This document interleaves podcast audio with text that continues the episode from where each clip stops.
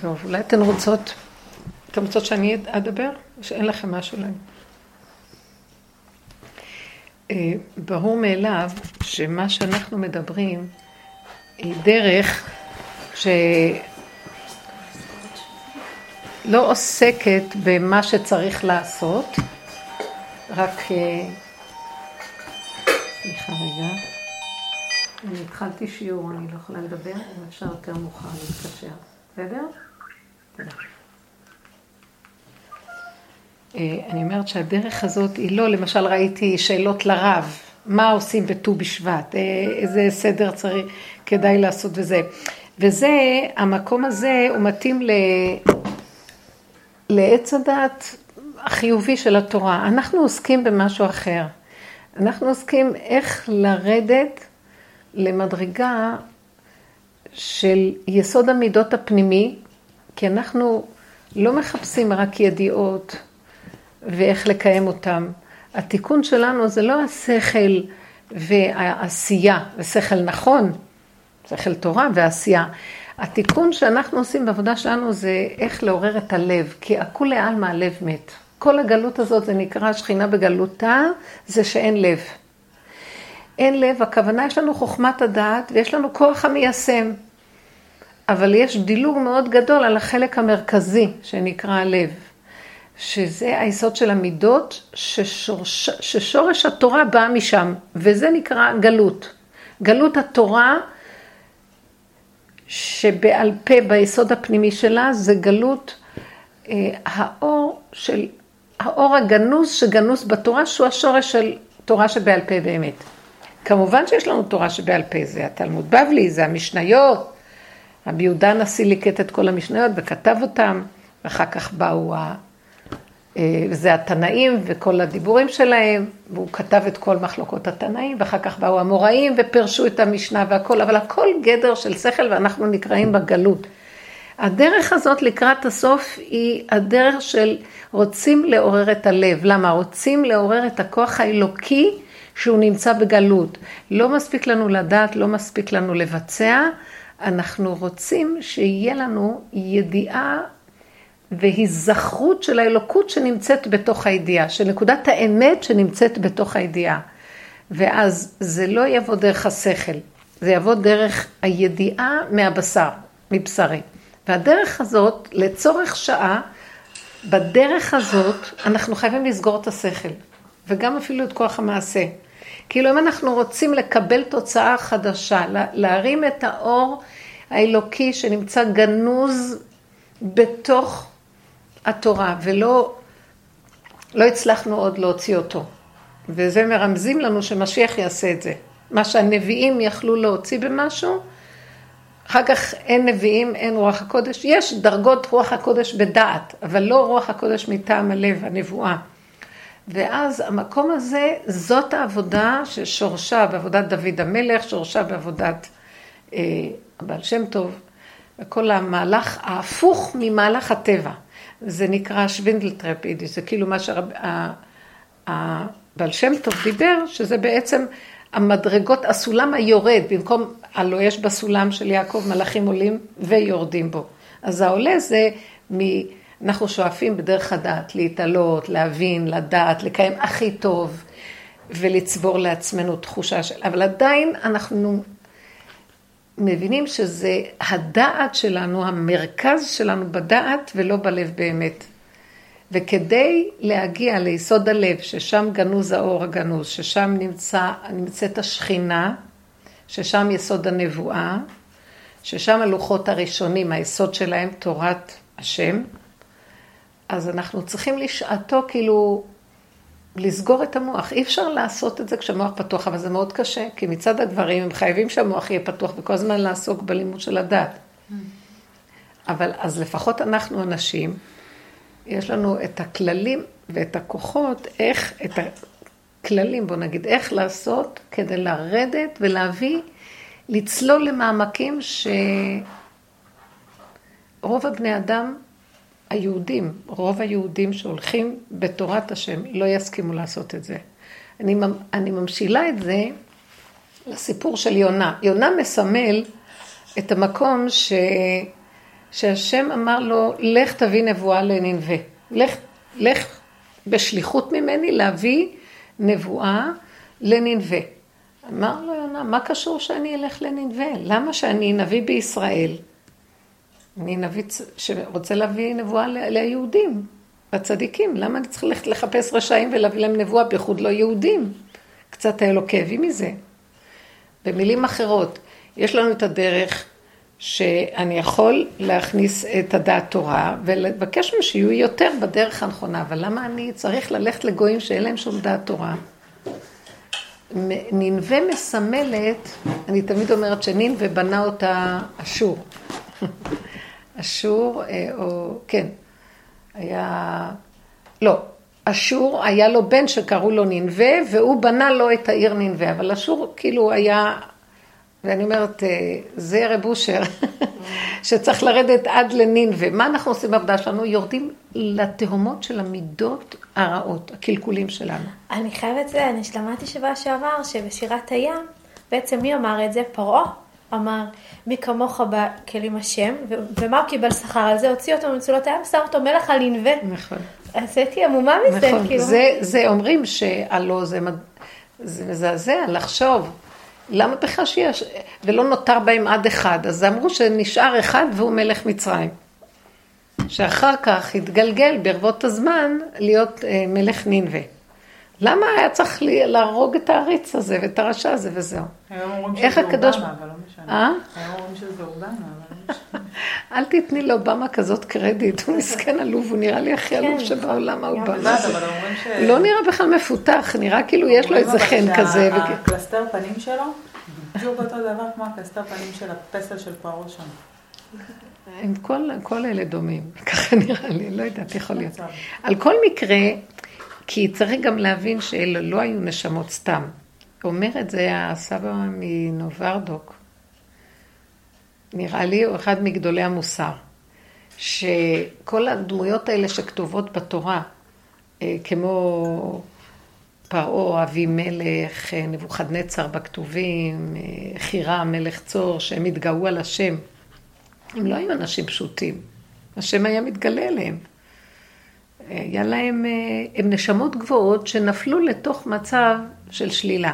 פרעה ביסודו הוא מאוד מאוד מאוד גבוה. הוא גבוה מאוד, אי אפשר להתחיל עכשיו לפתח את זה, אבל הוא נפל למקום מאוד שלילי. וכל העניין הוא שזה נשמות של השם, שהוא רוצה להחזיר את האורות האלה בחזרה לשורשם, אז פרעה בעצם הוא לא איזה רשע שיאבד מן העולם. הרשעות שלו תתאבד, תאבד מן העולם, מה שאמרה ברוריה, איתנו חטאים מן הארץ, אבל לא, אה, לא חוטאים, כי צריך להחזיר אותם ולהביא את היסוד בחזרה למקום, והשם חיזר אחרי פרעה. אז הוא אמר ליונה, אתה מתאים שתלך לעומקים של השפלות של המידות הכי גרועות שנמצאות במעמקי האדם. זה בעצם, מה שאנחנו עושים זה לסגור את המוח שלא רוצה להודות שהיא, יש בה נינווה. אנחנו לא רוצים. בעולם של היהדות אנחנו קיבלנו תורת דעת, ותורת הדעת, כל הגלות הזאת, אנחנו מכסים על המידות הרעות ומכריחים את המוח להתגבר זאת אומרת להתאפק ולהתגבר, לעקוף את יצרנו, מה שנקרא. אבל היצרים מונחים. אם שמים עליהם רגל, כופים אותם, אבל רגע מורידים את הרגל, קמים. אז העבודה הסופית היא, יורידו את הרגל, הם יקומו, ומה תעשו? בואו נראה אתכם עם כל מה שאתם, בואו נראה אם אתם עומדים בנקודה. יכול להיות שיהיו גדולים וכן יוכלו לעמוד, כי באמת, במילא התורה מכריחה אותנו, מי שהולך בה באמת. היא גורמת לבן אדם להיות כל הזמן לסגור, לסגור, לסגור ולהיות מצומצם. בוא נגיד שיזרקו אותו למקום שהכל פתוח, כמו שקורה בדור הזה. רבים יכולים להתבלבל ממה שקורה, כן? לא יכלו להחזיק את עצמם. זה מראה שבתוך היסודות שלנו אנחנו צריכים לעשות איזה בדק בית ותיקון שורש, שאנחנו בכל הדורות מכסים על זה. עכשיו, זה לא רק בשביל לעשות, זה לעשות תשובה, זה מה שאליהו אומר. אין נגלים רק בזכות התשובה. זאת אומרת שיצטרכו לקראת הסוף דעת יש המון, עשייה יש המון, חיובית לפי התורה. אבל תשובה אין, זאת אומרת, צריך לשוב לשורשים שהם, שם אנחנו צריכים כולנו, שבעת ניסיון שבא עלינו, אנחנו לא מצליחים אה, לעמוד בנקודות שהם מבקשים מאיתנו. לא, לא מבינה את זה, איך לקרוא דבר כזה. ברוך אתה אדוני אלוהינו, שהכל נהיה בדברו. אני אומרת, הדור הזה הוא כזה חלש, לא יודעת, אף אחד אין לו כוח. את אומרת, מדברת תשובה, זה צריך המון כוח בשביל תשובה, זה לא משהו... אבל זה לא סתם תשובה, זו תשובה שאנחנו מדברים עליה, זה לא סתם, זו תשובה של לחתך בבשר אבל איך זה. יקרה-? זאת העבודה הזאת. אנחנו כל הזמן, היסוד של העבודה הזאת, עכשיו בוא, בוא למה נתתי את כל ההקדמה? אנחנו סוגרים את הדעת הטבעית. אני לא עסוקה כאן במה אנחנו צריכים לברך בט"ו בשבט. יש לזה את הרבנים שקשורים לזה, ופעם הייתי נותנת דינים, או מלמדת אה, גם שקשור בידע, וגם נותנת השקפה, אבל אני יורדת מההשקפות, נותנת, אני שמה את הפנס על המידות הרעות. זה נקרא הפגמים בעבודה שלנו, אם אתם זוכרים לחדש את הנקודה בגלל הלב, וגם זה טוב לנו. אנחנו שמים את הפנס על הפגמים שלנו. איך נראית הפגמים? אין אדם רואה נגעי עצמו, כי הוא, אנחנו משוחדים מהדעות שלנו, ומהידענות הגדולה, ומצורת החיים שסוגרת ולא נותנת לראות. אבל השני מראה לי. איך השני מראה לי? לכן אין בעבודה הזאת אפשרות לברוח למדבריות ולא כלום, בתוך הבית, בתוך הילדים, שמה. מה הוא מראה לי? ההתנהגות שלי, הכעס שלי עליו, או הסערה שיש לי מכל מה שאני רואה מסביבי, שהתגובות שלי לגירויים השונים, זה מראה לי מה קורה איתי. אם אני מוכנה לעצור, לעזוב את השני, ולהבין שהוא רק מראה, כדי להחזיר את זה לעצמי, כדי להגיע לנקודה של לחפש איפה היסוד, להודות ולעמוד עם נקודת הפגם. מאחורי הפגם הזה עומדת שכינה. כי הפגם זה טבע, אבל הטבע התקלקל, כי, עץ, כי הדעת מגדילה אותו, הדעת מגדילה את הטבע, היא מגזימה, היא מכניסה אותנו להתרגשויות, לפרשנויות, אז הכל נהיה גדול. אם אנחנו מזהים את הרגע הראשון, הכעס, שהשני גורם לי ואני חוזרת לעצמי, אבל את כועסת, זה הוא הכעיס, אבל את הכועסת. תבדקי את עצמך ותראי, ואז תראי את התסכולים, את הנקודות, את החרדות שלך, את הפחדים, את הכעסים, את הנקמנות, את כל המידות הרעות שיכולות לצאת, וכשאת מודה בהם, זה הרגע הכי קשה לאדם לעשות כזה דבר. מאוד קשה לו להודות באמת שלו. מפעם לפעם לפעם, שאת מתעסקת בעניין שלך ולא מגיבה לשני, כאילו לכאורה זה נראה בהתחלה, באופן החיצוני כחולשה, את לא עונה לשני והוא יכול לנצל. אבל לא עסקינן בלהיות כאן מנצחים ולהיות אה, וכחנים שצודקים. אנחנו רוצים להגיע לאמת, רוצים את האמת. אדם כזה, אם הוא מתמיד, גם השני יכבד אותו, המחלוקות מפסיקות והוא מתחיל לראות את עצמו. ואז מתחיל להיות לו כאבים עם עצמו. המחלוקת היא כבר לא עם השני, אלא עם עצמו. וגם את זה הוא צריך לפרק, כדי שבסוף הוא יגיע למקום שנכון להודות באמת. עבודת יום הכיפורים, פשוט להודות באמת. ומודה ועוזב ירוחם, אפילו לא נדרש לתקן, לא נדרשים לתקן, כי אי אפשר לתקן בשורשים שום דבר. עצם הפנס על הדבר וההתבוננות בדבר וההודעה, הווידוי דברים, ההודעה, הכאבים שזה מציף לי. ואז אני רואה כאבים, יש לך כאבים כי את נגועה, כי באמת זה נכון.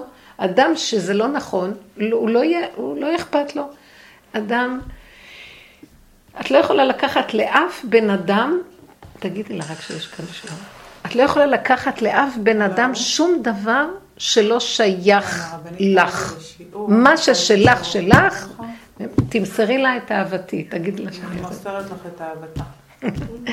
זה כל המהלך הזה שנבין, כל הנקודות הקטנים שאנחנו מבינים בתוך הדבר הזה, זה להבין. הכל זה להראות לי את עצמי. כמה אנחנו נאבקנו שנים, זה עשרות, זה ממש עשר שנים, לפחות חמש עשרה שנים קבוצות שאנחנו, אין, עד שאת שוחטת את האגו הזה של, ואת לא יכולה לסבול מה אני, כי אנחנו חיים מהדמיון של התדמית החיובית של עצמנו, לא מהאמת. ובאמת, מאחורי הפגם, כשאת מודה, מאחורי כיפור יש פורים, וזה השם. שמחה, מתיקות, הסכמה, פתאום משתחרר לך כל הדמיון הזה, מי אני והמאוימות התמידית מהעולם, מהחברה, מהאנשים, מהבעל, מהילדים. כן, נכון, אתם צודקים כולכם, אז מה אני אעשה?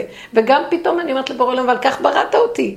ואת זה הוא רוצה לשמוע מאיתנו, כי אם אנחנו מתקטנים ומודים באמת, הוא יכול לקום ולגדול ולהתגלות. אנחנו לא נותנים לו להתגלות, כי כולנו יותר גדולים מהשניים. אנחנו מאוד מאוימים. אם אתם רוצים רק רגע להתעכב על הנקודה הזאת ולשאול איזה שאלה או משהו בדוגמה הזאת. אני היה לי השבוע איזה סיפור בדיוק על הדוגמה הזאת, אני לא יודעת אם זה כזה נכון, אבל... אני, היה לי, הגיע אליי חדר שינה חדש שקניתי, סתם דוגמה. ואני, והגיע נוראי, כאילו באמת. מה זה היה? חדר שינה חדש קניתי, והגיע נוראי, כאילו חנות רהיטים שפשוט, לא יודעת, לא שמה עליי, הביאה את החדר, מה זה דפוק, כאילו, לא, גם לא לפי מה ששילמתי, לא משנה. לא הנקודה. בקיצור, ובעלי הוא בן אדם מאוד מאוד טוב מטבעו.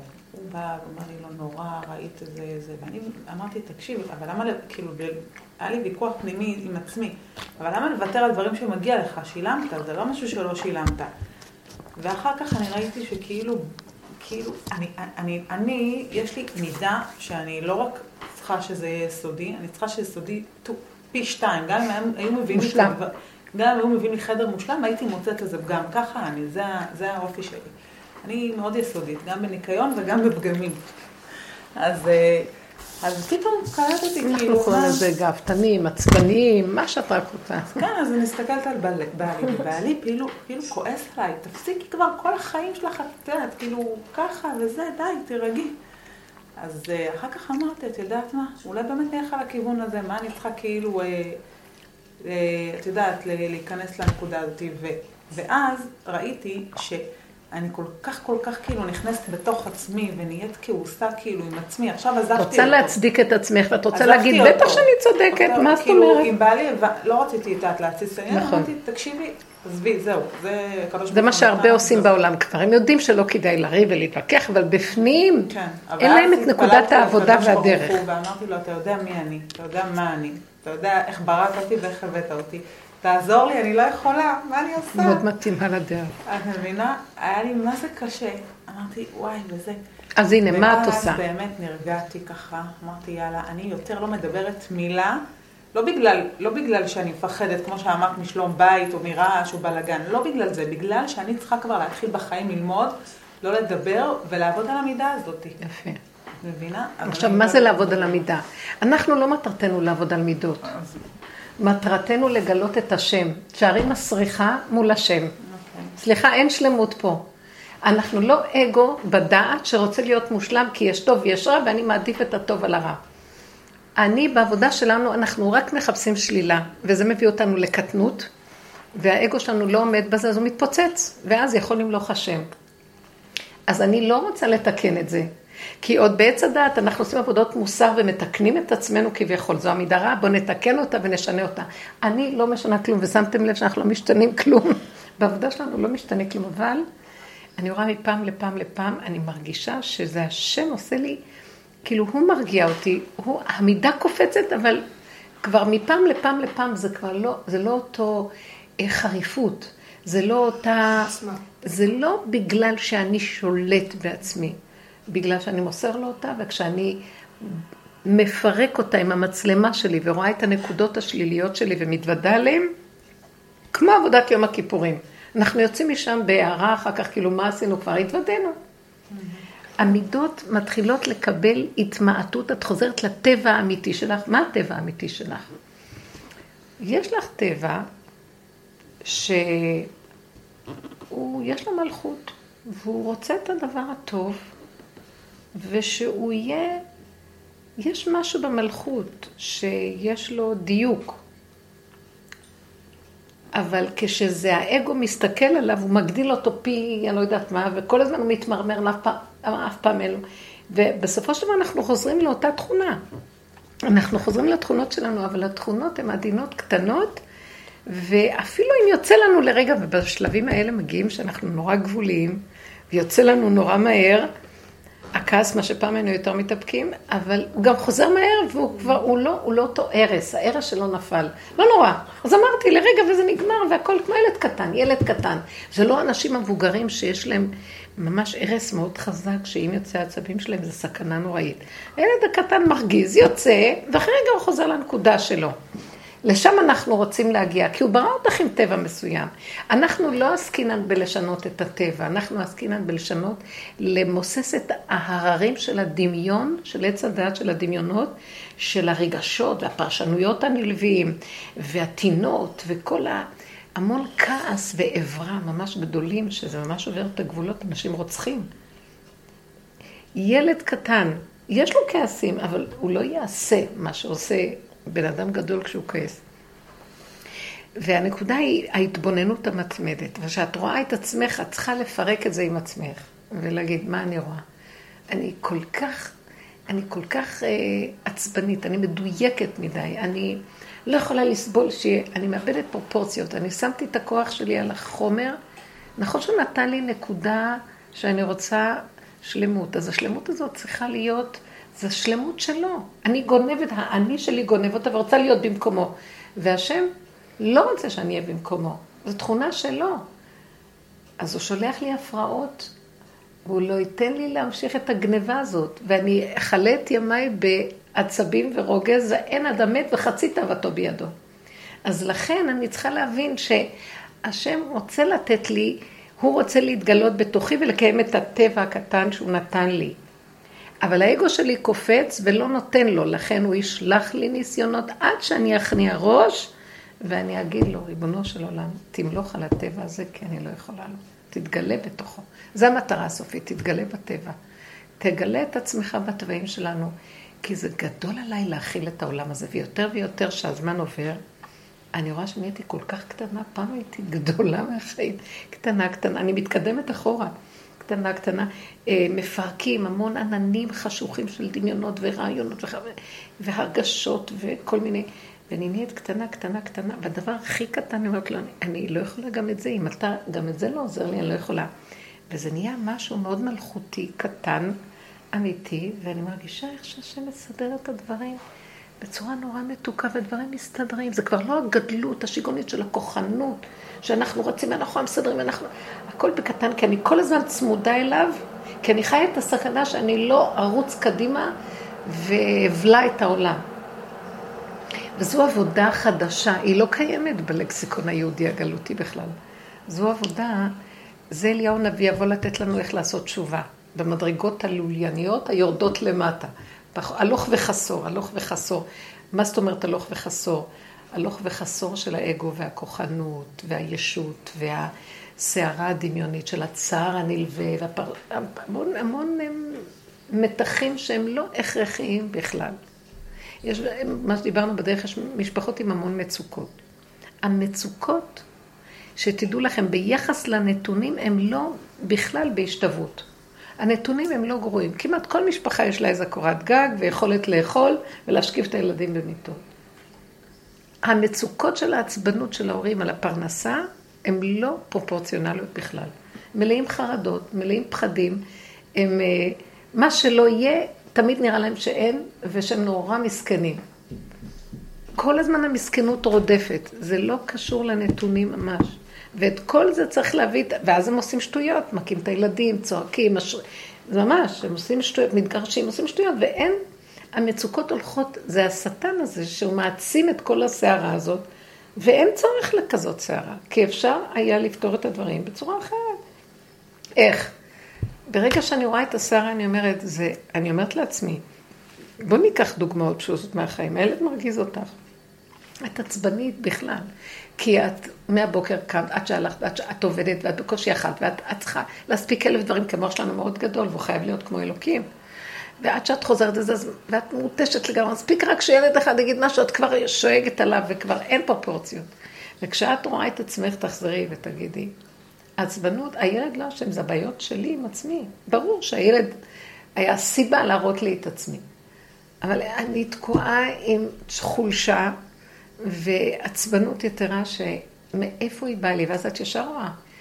אני רוצה להשיג, אני, הכוחות שלי קטנים והמוח שלי גדול, ואני לא יכולה להשוות בין הכוחות לבין הרצונות. בין המציאות שלי האמיתית, אנחנו לגמרי, אין לנו, אין פרופורציות.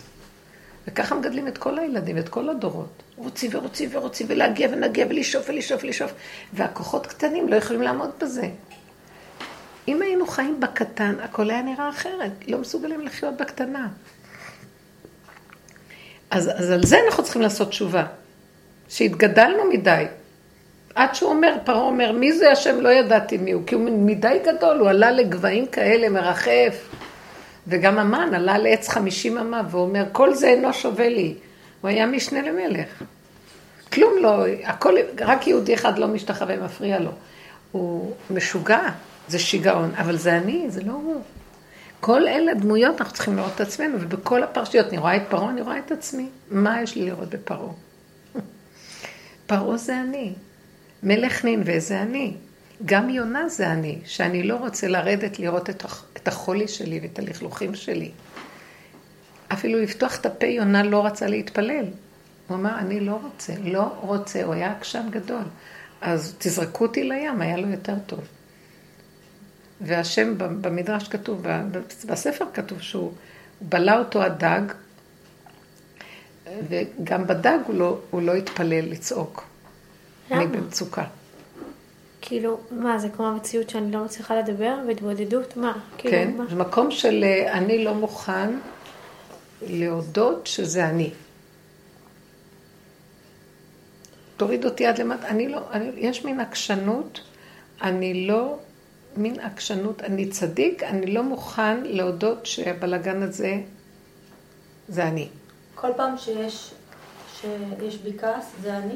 איך? כל פעם שיש בי כעס, זה אני?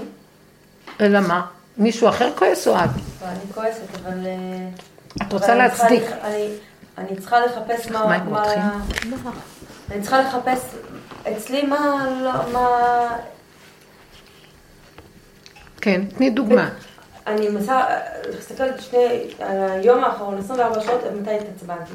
היום הייתי בחלות נעליים עם הילדים, והבן שלי בן שלוש, אני קוראת לו, קוראת לו, קוראת לו, והוא לא מסתכל עליי. וזה הכעיס אותי. כי קודם כל אני קוראת לו כי הוא כבר הלך בכלל לכיוון הכביש, ואני קוראת לו כי אני קוראת לו, וכשאימא קוראת אתה עונה. אז מה, זה, זה עניין של אגו, בגלל שאני אימא, אני רואה... זה לא. עניין של חינוך. לא. אז, אז מה? תראי, בטבע את צודקת. השכל אומר, הוא תחת חסותי, ואם הוא לא מקשיב לי אז uh, הוא בסכנה. והוא מסכן אותי, ואז הוא עושה לי תסכול, ואז אני כועסת עליו. וגם אם אין סכנה, זה שהוא לא עונה לי. נכון. בואו נלך לכיוון הקל יותר. בואו נשאל שאלה אחרת. למה את לא שואלת מדוע הוא לא עונה לי? כי על פי טבע, בן אדם שואל, שומע את אמו, קוראת לו, למה שהוא יתעלם ממנה? נכון, שאלתי את עצמי, אמרתי אולי שיש שלו טובה או שלא, לא בא לו. לא. לא. אנחנו קוראים לו מפה. את יודעת, אם היינו מחוברים נכון, מילה אחת מלב, מילה שיוצאת מהלב חודרת ללב. נקודת אמת, השני מיד מתייחס אליה. אני נכנס למוח שלי, עכשיו אני כועס, למה? אני מאבדת שליטה, אני רוצה שהוא יבין שאני אימא שלו. אם היה לי מלכות אמיתית, מלך אמיתי, הוא אומר מילה, כולם יעשו. הוא יצעק, הוא ישלח שוטרי חרש, יהרגו את הנתינים. כי ידעו, זה מלך עריץ. הוא לא פועל מנקודת האמת. מלך ליבו של העם. לכן העבודה היא להבין, יש בי נקודה מדוע שזה לא עובד. ברור, את לא אשמה אישית. אנחנו נמצאים במקום, שמעת מה שאת אמרת? קראתי לו, קראתי לו, קראתי לו, קראתי לו. למה אני צריכה לקרוא לו כל כך הרבה פעמים? היא ירדה מהמסך? כן, זה כתבה תמשיכו. קראתי לו, קראתי לו, קראתי לו וקראתי. מה זה הדבר הזה? שמתם לב? אנחנו כפייתיים בכעס, כי אנחנו מאוד שטחיים ורצים להשיג מה שאנחנו רוצים בשכל, ויש שבלונה של חשיבה, הוא הבן שלי, אני אחראית עליו. זה הכל כמו תפקודיות. הילדים לא מגיבים, אתם לא מבינים? האמהות צועקות והילדים לא רוצים לשמוע. אז מה עושים? לא, לא לצעוק. לא לעשות כלום. להסתכל על עצמי ולהגיד, ריבונו שלם, אני פעם אחת מתנגדים לי, אני לא, אני לא חוזרת לשאלה, אבל אני חוזרת לעצמי. ריבונו של עולם, אתה בגלות. אין לי את החיות האמיתית שמושכת אותו. כי אם הייתי חיה עם החיות הנכונה, מילה אחת הייתה יושבת לב. שכחתי הרבה זמן לעשות את זה, עכשיו אני מבינה. הייתה תקופה שככה הייתי עושה, כמו שאת אומרת. נכון, נכון שזה עבד. כן, עכשיו אני בתקופה שאני רואה את עצמי, כאילו אני קולטת את עצמי. שבכלל משהו אחר עצבן אותי ואני מוציאה את זה עליו, ובגלל זה הוא גם לא עונה לי ולא מתייחס אליי. תראה, הדרך הזאת צריכה כל הזמן התמדה של דיבור. כן, אם אני לא מתחזקת בזה, נכון. אם אני לא פונה אליו, אז... כי באיזשהו מקום... את יכולה לחזור עוד פעם על מה אני מדברת, מה אני אומרת לקדוש ברוך הוא? אנחנו פועלים בגלות, כמו שאמרתי את ההקדמה, מהשכל והתפקודיות, חסר לב. נכון שזה מה שאמרתי? מהו הלב? גילוי שכינה. אלוקות. השוכן איתם בתוך. בתוך, הלב זה תוך. זה מקיף נקרא, שכל נקרא מקיף. זה לא סתם שעורפים ראשים עכשיו, ממש לא רוצים, הראש הזה כבר לא צריך שת... תגידי, אבל למה? אל תקראי לילד עוד פעם, שבדלו לחיים טובים ארוכים כולם. אל תקראי לו. תקשיבי ותגידי, אני, אבל זה כבוד האדם, כבודך, כבוד השכינה בתוכך. חכי. זאת אומרת, זאת אומרת, הוא בסכנה? לא, אז בואו נעזוב את הסכנה. בוא נגיד שתעזבי את כן, הסכנה. זה פרקור. חכי, הילד ירצה אותך עוד מעט למשהו. אוקיי. אז גם את, תמיד בחינוך אני אומרת, תמתינו, אין סבלנות. נכון. מה זה סבלנות? לסבל את המצב. המוח אין לו כוח לסבול. הוא רואה דבר, גירוי תגובה, גירוי תגובה, שטחי, באותו רובד. ואילו כשאנחנו מדברים על עבודת הלב, את רואה את הדבר? את מנתחת מערכות, זה הכוח של המוח. אל תאמיני במה שאת מנתחת. חסר לך פרספקטיבה עמוקה. חסר לך עומק. המימד של העומק חסר. את צריכה לשתוק ולרדת ללב. הנפילה ללב. כשאת נופלת ללב זה כבר לא נראה כמו שהמוח רואה את זה. המוח רואה דבר מיד, הוא, מיד הוא קופץ, הוא מצדיק את מציאותו. באמת זה לא בדיוק ככה. כשאת נופלת ללב, את רואה, אין לך סבלנות. האגו פועל, המוח, מה זה האגו? זה במוח, זאת אומרת, הוא אומר לך דבר, לא ענו לי, טיק טיק טיק טיק, אמא צריכים שיכבדו אותה, לא מכבדים אותה, יוצא, הוצאת נתונים, מחשב, יאללה, לא. אם לא כיבדו אותי, כנראה שאני לא מכבד את עצמי. כי אין כזה דבר שלא יכבדו בן אדם. אה, במקומך יושיבוך ובשמך יקראוך, ואין מלכות נוגעת בחברתה. אם הייתה לך מלכות, הוא היה מכבד אותך. אין לך מלכות, הוא מצפצף עלייך. אז עכשיו תעצרי, תעצרי. זה. לא מייאש, הנה זאת עבודה. זה מייאש כשאין עבודה, ברור. אז תעצרי ותגידי לא. למה אני רוצה למלוך עליו? על עצמי אני מולכת? אני מקשיבה לעצמי? כמה פעמים הנשמה מ- מלמטה צועקת, הצילו, הצילו, מקשיבה לה, עושה ככה, ככה, דורכת על עצמנו, אנחנו דורכים על עצמנו, ואנחנו מנקרים את עצמנו לגמרי. השכינה שבתוכנו, דרכנו עליה, קברנו אותה. אנחנו בתרבות שמאוד, אה, שהמוח הוא מצדיק את עצמו כל הזמן. לכן יום אחד פורצות חלילה מחלות או כל מיני דברים, כי אנחנו מדוכאים בפנים. אז את נעצרת ואת אומרת, לא. אם הוא לא מקשיב שאני קוראת לה, אז אני לא מחוברת טוב עם עצמי. זה יוצא מהשטחיות שלי, זה לא יוצא ממקום עמוק. טוב, אז את יושבת, מדברת עם השם. כן, אני מדברת עם השם, אמרת לו, ריבונו שלה. אין לי טענה לילד. תראה איזה מצב עלוב אני. אין איש שם על לב. אף אחד לא... נגזרתי מארצות החיים. אנחנו בעצם מתים. אתם חושבים שאנחנו חיים? אנחנו מתים. רב אושר רצה שאנחנו נגיע למקום שנראה עד כמה אנחנו מתים, ורק אז נוכל להתחיל לחיות. אנחנו חושבים שאנחנו חיים. זה חיות שטחית של מוח גירוי תגובה. וצריכים לשים את המוח פנימה כדי לראות את זה, ואז להגיד נכון. אז בסך הכל, כי למה אני לא חיה? כי אני הפכתי להיות, ותתחיל לראות תפקודית שרצה, שרק רוצה שליטה. ואת גם יכולה להצדיק, זה עשר ילדים, איך אני יכולה לשלום בהם, וכ- וכוח מניין לן, וכסף מניין לן, וזה, אז אין לנו כבר כוחות. וזה. כאילו, אני מתחילה לראות עכשיו שכל מערכת החיים שלי שהקמתי לי היא משוגעת, זה לא השם. אני ילדתי עשרה ילדים, הוא לא דווקא רצה ממני שאני אוליד עשרה ילדים. הוא לא רצה שאני אחיה חיים כאלה. הוא לא רצה שאני אקנה כל, לכל ילד המון בגדים וצעצועים וזה, הוא לא רצה את כל הצורה הזאת. אני השתעבדתי לחומר, לריבוי, לכל ההחצנה הזאת, כי ככה המוח שידר לי, שולטים בי. בסוף זה פוגע בי. אה, אני איזה מצווחת ככוכיה, ואף אחד בכלל, לא- מי, מי בכלל מקשיב לי? אז תעצרי. אני למדתי, העבודה הזאת הביאה אותי לקטן ומעט, פעולות קטנות. אני רואה שאני עושה פעולות גדולות, ישר נוגע לי בכוחות, שום דבר לא הולך לי. אז אני לומדת לעשות קטן, מעט, בטלפונים כמה מילים, עם בני אדם, חיבה של דקה, לא צריך אתה, אתה, אתה. אז את יודעת, יש, יש הפנמה ויש עומק, ומילה נשמעת. אז הם מכבדים אותי יותר. שעד שהם שומעים ממני מילה, בעלי רוצה לדבר איתי. אני, הייתה תקופה שהוא היה, כל מה שהייתי אומרת, הוא היה סותר. אז שתקתי. והיה לי כאבים, אבל כשבדרך הזאת אמרתי, טוב, שתקתי אחרי כמה זמן, אני אומרת, את לא עונה לי, את לא מדברת, את לא, מה קרה, מה השתיקה, מה... לא אמרתי, אחרי כמה זמן אמרתי לו, מעט מילים, כמה דברים, ראיתי איך הוא מקשיב. שהייתי אומרת, הוא היה שואל קטן וחזרתי לקטן, אחר כך הוא התחנן כי הוא היה, אה, בדרך כלל לא דיברנו סתם, אבל שמרתי רעיונות מהדרך, אז הוא היה מתקיף אותי. כשככה שתקתי ולא דיברתי ולא דברים, הוא היה אומר לי, אולי, אולי תלמדי אותי משהו? שהוא יגיד לי, אולי תלמדי אותי משהו מהדרך, נשב ללמוד קצת משהו? וואו. את לא מבינה מה זה היה. וואו. ואז התחמקתי מאוד באלגנטיות. אל תחשוב, במילים אחרות, זה לא נקמנות, אבל uh, אתה ביזית את המלכות. זה לא כל כך פשוט שאני עכשיו אתרצה לך בגלל שעכשיו בא לך. חכה נראה. זה לא בגלל נקמנות, זה בגלל... Uh, האם נגעת בנקודה שלך שאתה מתנגד גם בלי לחשוב, כי יש לך רצון להתנגד, כי בזה הכוח שלך שתתנגד על השני, אז בזה אתה גדול?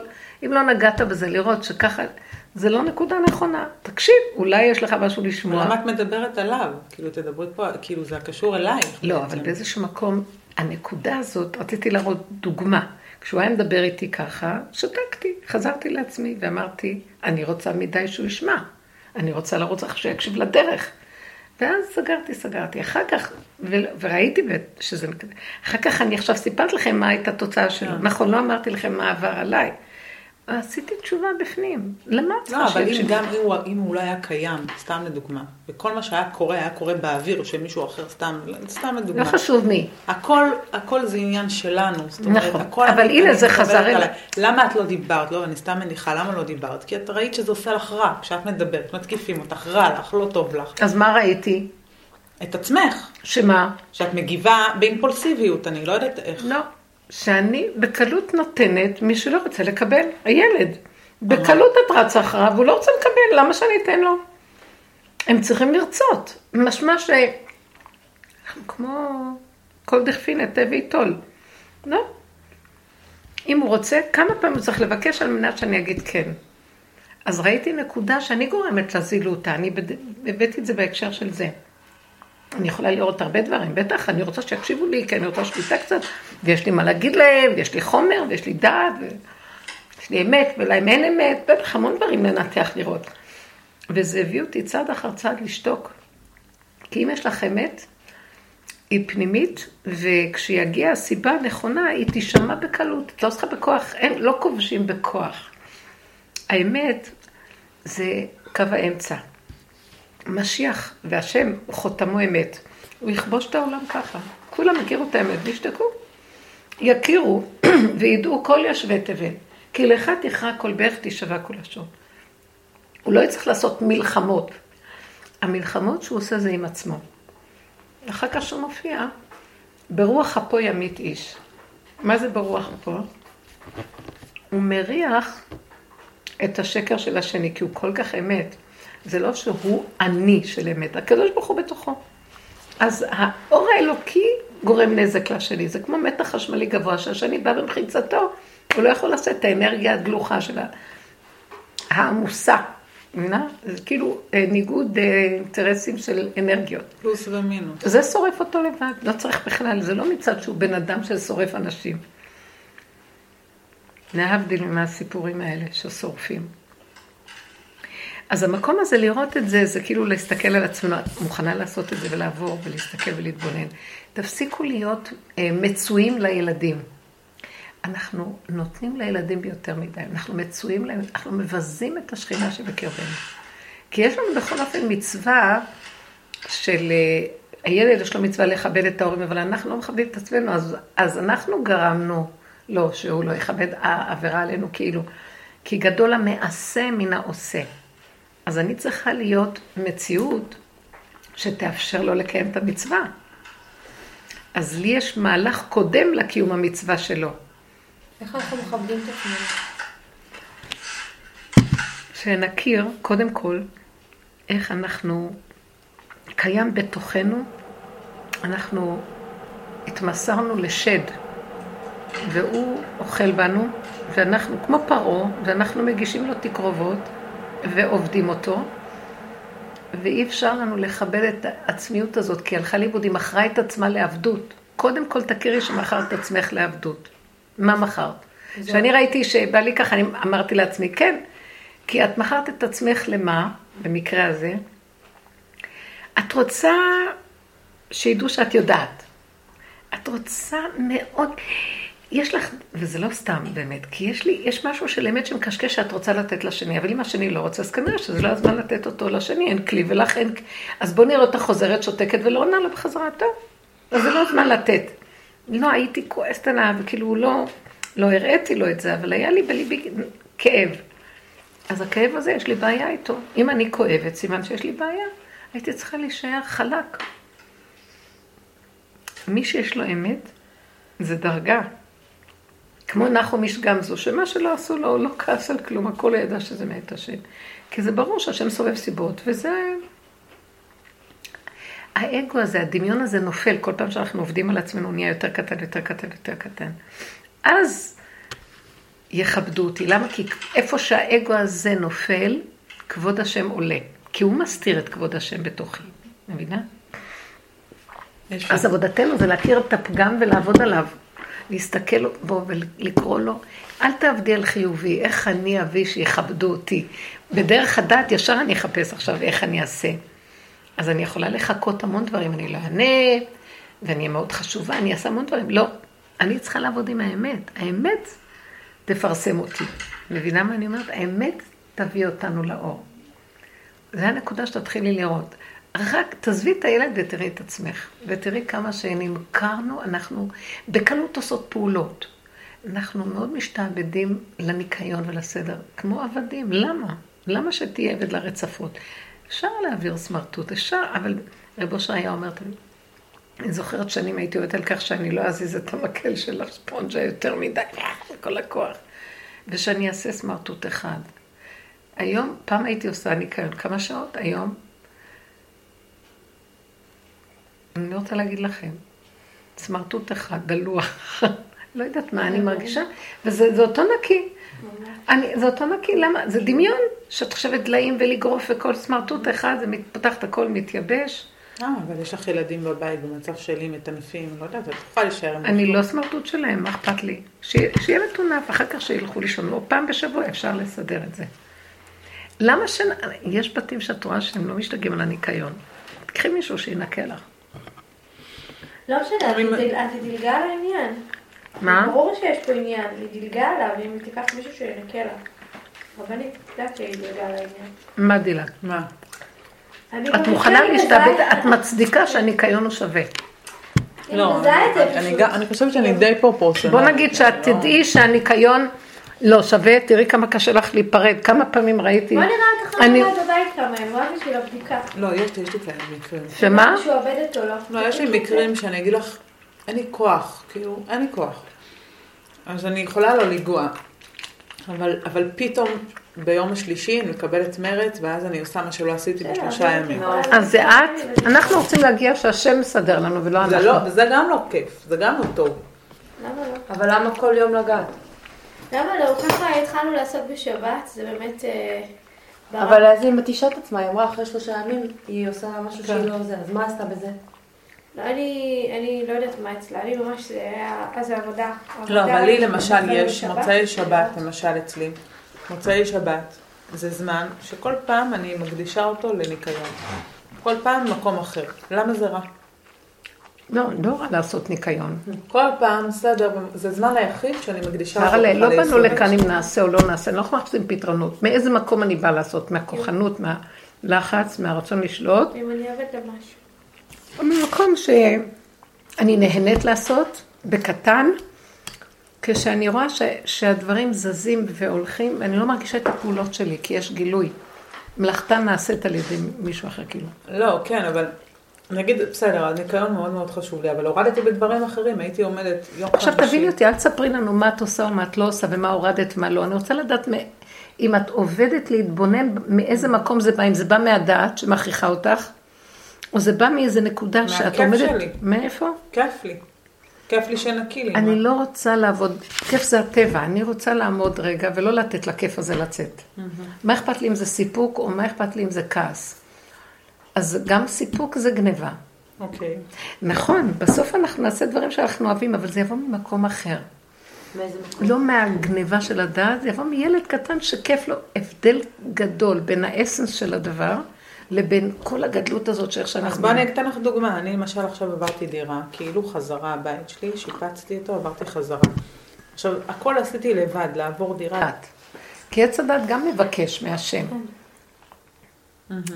ותביני, כשאנחנו מכירים בפעם, זה כאילו דילגת על עבודת יום הכיפורים, וזאת עבודת יום הכיפורים.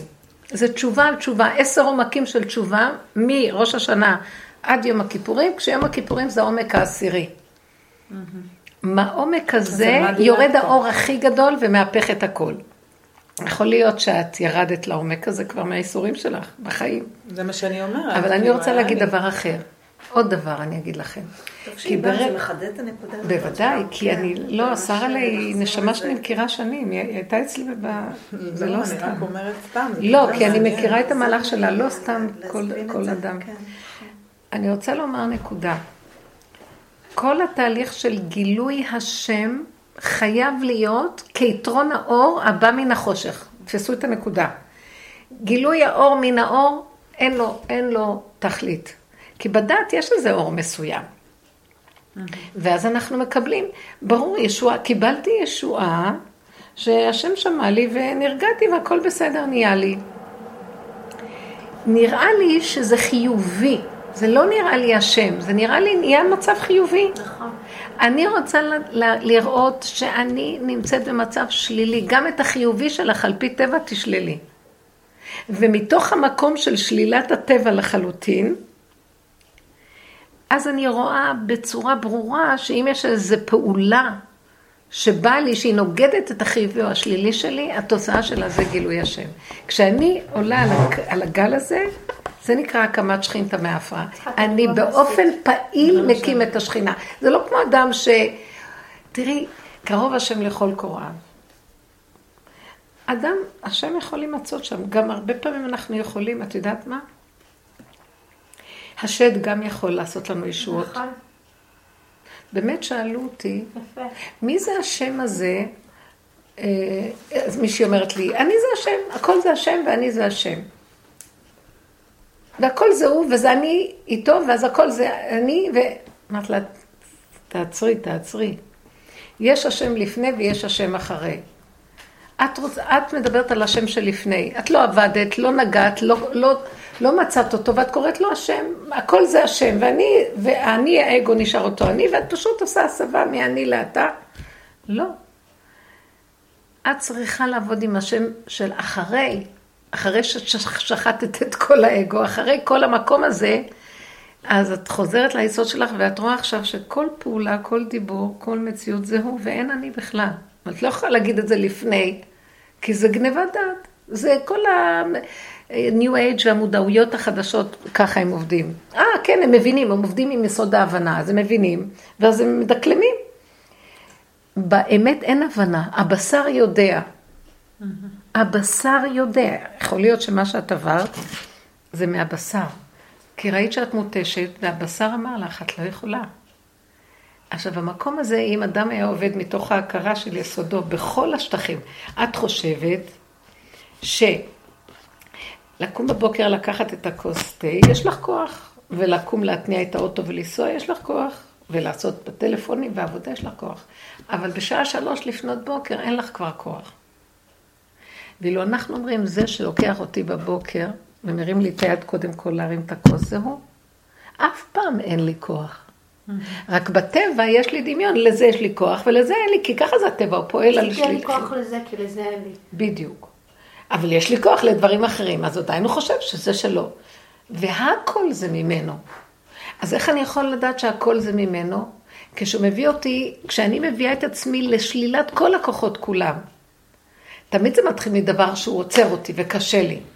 אז עכשיו ברגע שאני באה להסתכל ואני אומרת, אה, אני רוצה עוד לגייס את שארית הכוחות שלי וללכת לרוץ קדימה, אבל זה הכוחנות שלי. וכשאני רואה שזה הכוחנות שלי, מפעם לפעם אני רואה שאין לי כוח אפילו להרים כוס תה. הוא מתחיל להראות לי שהכל זה הוא, כל דבר זה כוחנות פה. ואז המקום הזה של גילוי הכי קטן של משהו, אני רואה שזה הוא. זה אינו דומה. את מבינה? כאן אני מתחיל לרכוש קשר לאלוקות במדרגה של בחירה מתוך עבודה, מתוך הכרה. זה הכרה אחרת. אולי לא כל כך טוב, אה, רב אושר אמר למישהי פעם, תקשיבי, מישהי, שהייתה באה אליו המון, עוד אה, לפני שהוא נפטר, עוד לפני כן היא הייתה היום בת חמישים, והיא באה אליו כשהיא הייתה תלמידה בסמינר, באה אליו. הוא היה בגדר אדמו"ר שהייתה רוצה לקבל דרכו ישועות, אבל לא הכירה את הדרך עד שלא באה לשיעורים עכשיו, לפני שש, שבע שנים בבני ברק, היא התחילה להיכנס לשיעורים, ואז היא ראתה שבכלל יש לרב אושר הזה דרך גם, חוץ מזה שהוא היה איזה פועל ישועות. דרך אגב, היה שלב שהוא עצר את הישועות, אמר, אני לא נותן לכם ישועות, אני רוצה עבודה, אני רק נתתי את זה כדי שתתחילו להתעורר. אז היא אמרה שפעם אחת, אה, כל בני הבית יצאו מהבית, להתפלל ביום שישי, ליל, ליל שישי עוד לא היה לילה, כי יצאו לקבלת שבת, והיא הייתה צריכה להדליק נרות, והיא רק הלכה לעשות איזה משהו במטבח, ופתאום היה לה שכחה לגמרי מהדלקת נרות. מישהו בא ולקח לה את כל השכל. עכשיו, פתאום הגיעה, היא מסתכלת בחוץ, היא רואה דמדומים, אה, ארבעים כבר. התחילה חשיכה, והיא לא הדליקה נרות. היא אמרה, לא יכולתי לעמוד בזה שהם יחזרו ואני לא הדלקתי נרות. אה, שם דליר כזה גדול על השולחן, מאוד עשירים וזה. היא הלכה והדליקה. אה, אחר כך היא הלכה לרב אושר, יום ראשון או משהו, ואמרה לו מה שקרה.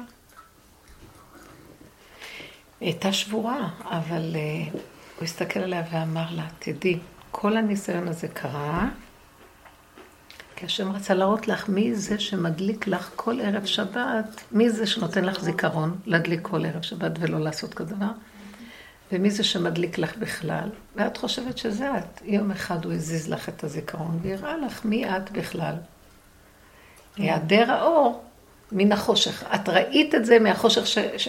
זאת אומרת שאנחנו חושבים שאנחנו עושים ואנחנו פועלים וזה, ובאה עצירה, לא, זה רק נותנים בטבע הסברה. חולשה, זה קרה לי, פתאום נעלם לי הזיכרון, פתאום. והוא בא להגיד לנו, אני כאן כל הזמן הולך, כשאתם חיים באור הדת, יש אני, ואני אתה, ישר נותן הסברים, פתרונות, עניינים, הולכים ועושים, כי אני מוליך, ואני הוא חכם, יש לו כן, יש לו לא, הוא יודע מה, יש לו גם תורה. רבותיי, זה הולך להיגמר, הוא היה אומר.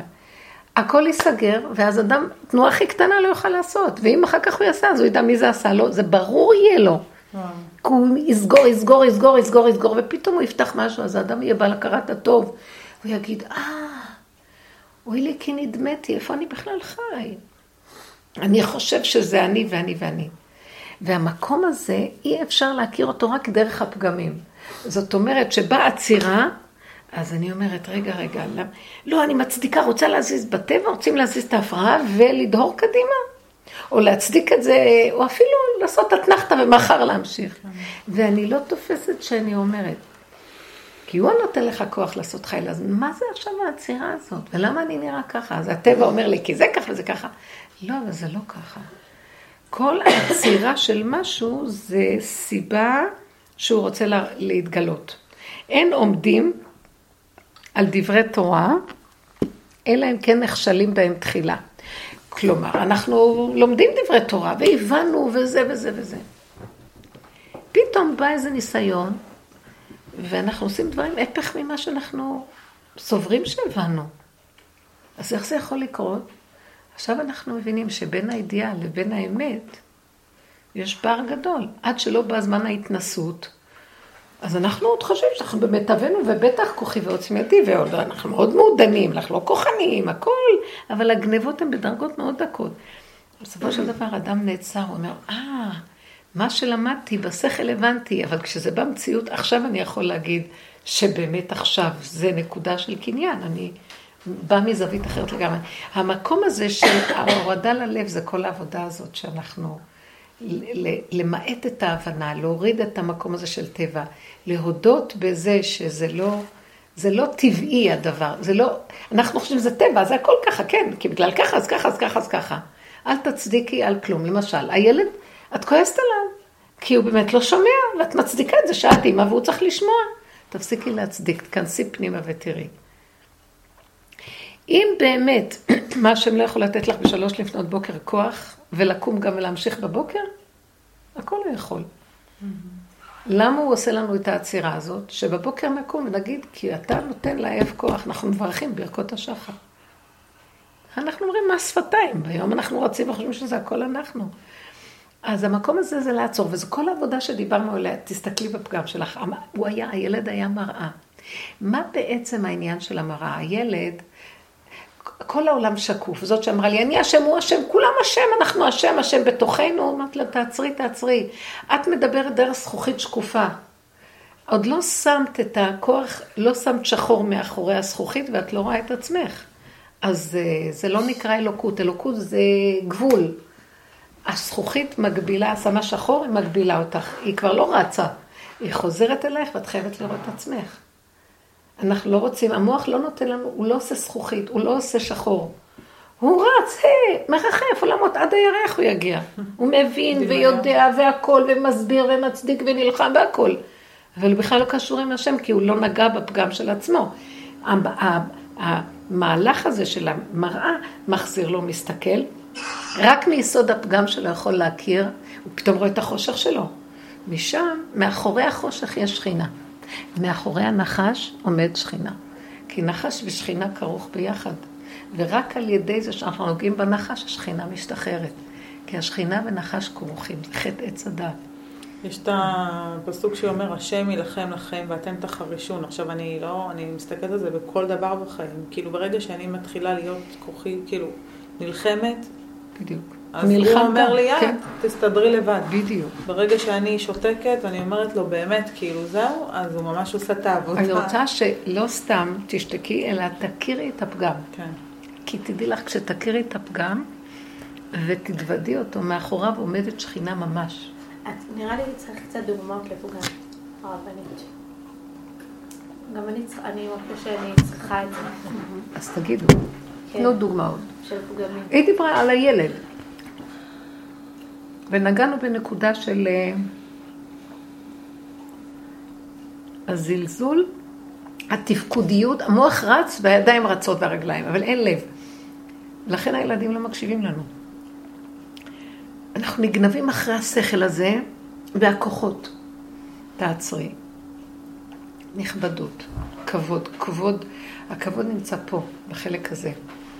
כבד, כבד קצת, הכבד, הלב, קצת יותר כבד הכל. ואת אומרת, אז איך אני אספיק? יש מלא תפקודיות וזה. את יודעת מה? נכון, אבל את רואה את האשת חיל, היא ממש תפקודית, היא רצה, עושה וזה, אבל יש איזה משקל שם, שהכל הולך לה, כאילו מישהו, מישהו מסדר את הכל, וזה לא היא. והולך לה. כי איך הולך לה? כי היא עושה פעולות סותרות. בלילה, בבוקר, ביום בצד, וזה בחוץ, בפנים. כי יש שם כוח אלוקי, שאין אצלו אה, בפנים בחוץ, ואין סתירה בכלום. אבל אנחנו בטבע לא יכולים לעשות כזה דבר. נעשה בכוחנות. ונצעק ונהרוג חמש מימין ושלוש משמאל. אבל זה לא יהיה זה. זה, זה החיקוי של הרצון להיות אלוקי, אבל זה לא. והייתם כאלוקים. אז זו הייתה דוגמה עם הילד. את רוצה להמשיך את הדוגמה הזאת? אני אומרת כזה דבר, ברגע שאת רואה את עצמך ככה הוא לא עונה לך, תיכנסי פנימה ותגידי, גם השם קורא לי ואני לא עונה לו. זה בדיוק הדוגמה. הוא אני הילד והוא השם. מי שומע לו? וכי השכינה בתוכנו, מי בכלל שומע לה? אז אתה בא להראות לי איך זה נראה. כי למה אני לא שומעת? כי אני גסה, אני רחוקה, אני לא מחוברת. אם אני אלך אחורה, אחורה, אחורה, אני אתחיל לראות דברים. אני לא רואה, מרוב בהלה אנחנו לא רואים כלום. מאבדים את הפרטים. מה למשל? כאילו, מה שהיא לא מספיק ישנה, שהיא לא מספיק אוכלת, שהיא לא מספיק... מה זה היא? המחשבות טורפות אותי ואני לא רואה מה יש כאן, מרוב שאני שם. אה, בעיקר זה המחשבות, ואז הרגשות שולטים, כי המחשבה, כשהיא מתחילה להתגדל, אז יש לה פרשנות, והפרשנות מביאה התרגשות, וההתרגשות מביאה פעולות מיותרות, ונהיה סערה. עכשיו, אני לא יכולה לשמוע את הקולות שבוקעים באמת. הוא ישלח לי הרבה אה, סיבות לעצור אותי ואני לא אקשיב. הכוחנית, אני בכלל מרחפת. האמת והאלוקות היא מאוד דקה, היא עדינה.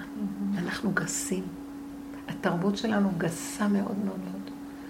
אנשים צועקים, שומעים, מדברים המון, הם אפילו לא מקשיבים לשני, הם רק שומעים את עצמם, גם את עצמם לא, זה מין, מין משהו מאוד uh, שטחי. כשבאת לקחת אותי, ישבתי, חיכיתי לך, והיה שם איזה זוג שישב ודיבר. אז אני שומעת אותה, ממש ישבתי ככה. היא מדברת איתו, ואז הוא בא להגיב, אז הוא עוד לא גומר להגיב, להגיד מילה, ישר קוטעת אותו, ממשיכה לדבר. אז הוא בא להגיד, והיא עוד לא גומרת, והיא ממשיכה לדבר, והיא מדברת ומדברת ומדברת, וראיתי איך היא, מה זה נהנית מעצמה. אבל הכל כל כך שטחי, והוא פסיבי כנראה, אז הוא מקבל. אז היא ממשיכה, ובסוף אה, אה, היא אומרת לו, אז הבנת? זהו.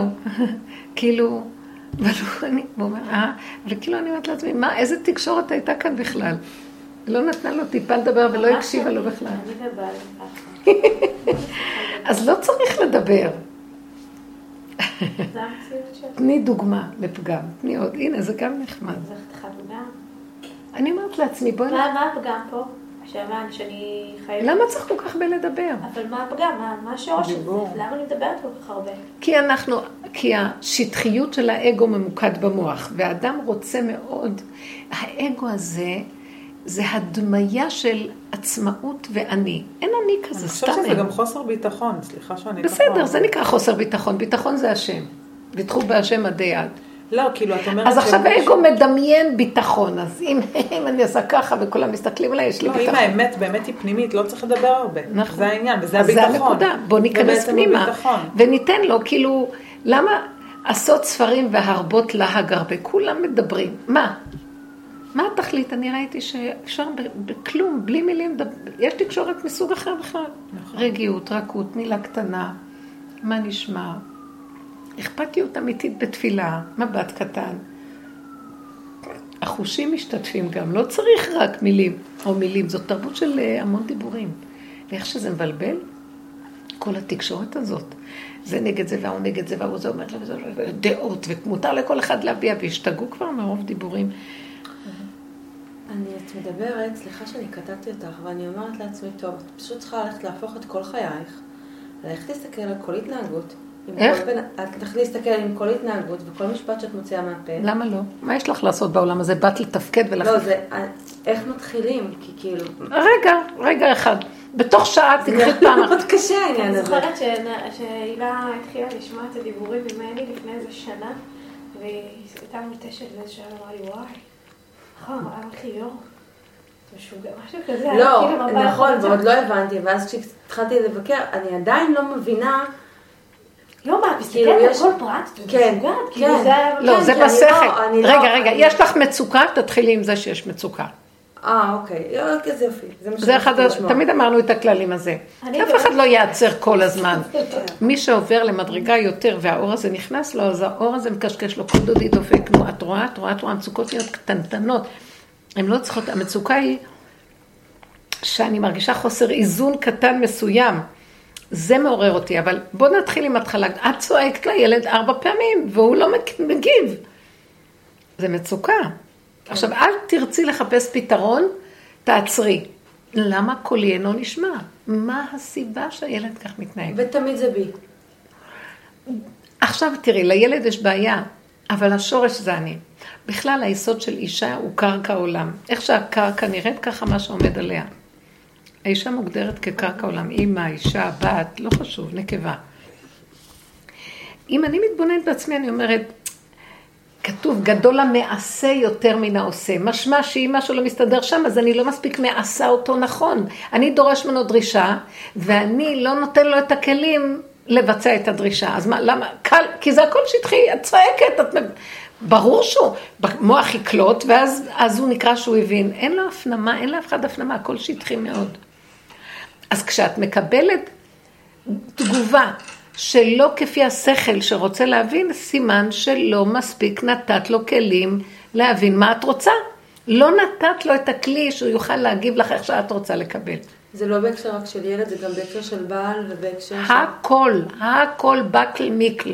הכל בכל אז מכל. אני צריכה, אני כאישה צריכה לתת להם, כאדם.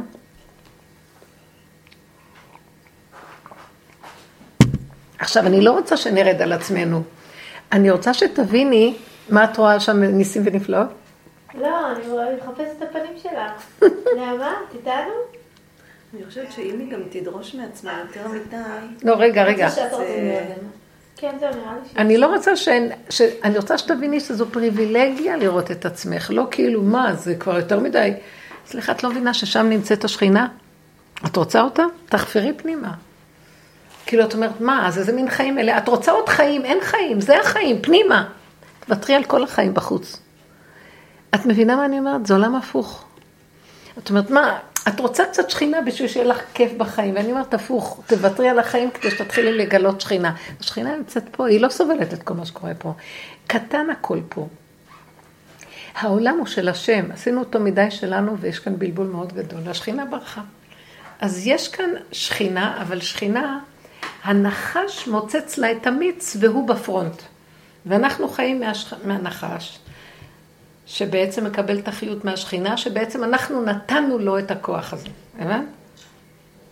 והשכינה רוצה לקום בלי שיהיה נחש. שמתם לב מה? מה שקורה, היא אומרת לי עכשיו, אז מה, אני אחרי ככה את החיים שלי, שכל רגע אני אעצר וכל רגע אני חושב, איך אפשר לחיות ככה? ואני אומרת לך, לא באנו לחיות ככה, באנו להיות קשורים עם השכינה, והשכינה תסדר לנו את החיים. לא באנו לעשות פה פרנסות, באנו לעבוד את השם, והשם יברך את מימינו ולחמנו. מבינה? אז מה אנחנו עושים? עכשיו נגיד, מה, אבל אנחנו כבר חיים פה, אז אם אני כל הזמן עושה ככה, אני לא אוכל לעבוד, לא אוכל לעשות כלום.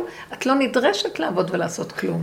את נדרשת לשבת במקום הנכון, וכשאת אומרת מילה, ילד ישמע ויבוא, וכשאת עושה תנועה, אז הברכה תבוא עד אלייך, וכשאת עושה ככה, בשנייה הכל יסתדר, וכאילו מלאכתה נעשית על ידיכם, זה נקרא הברכה.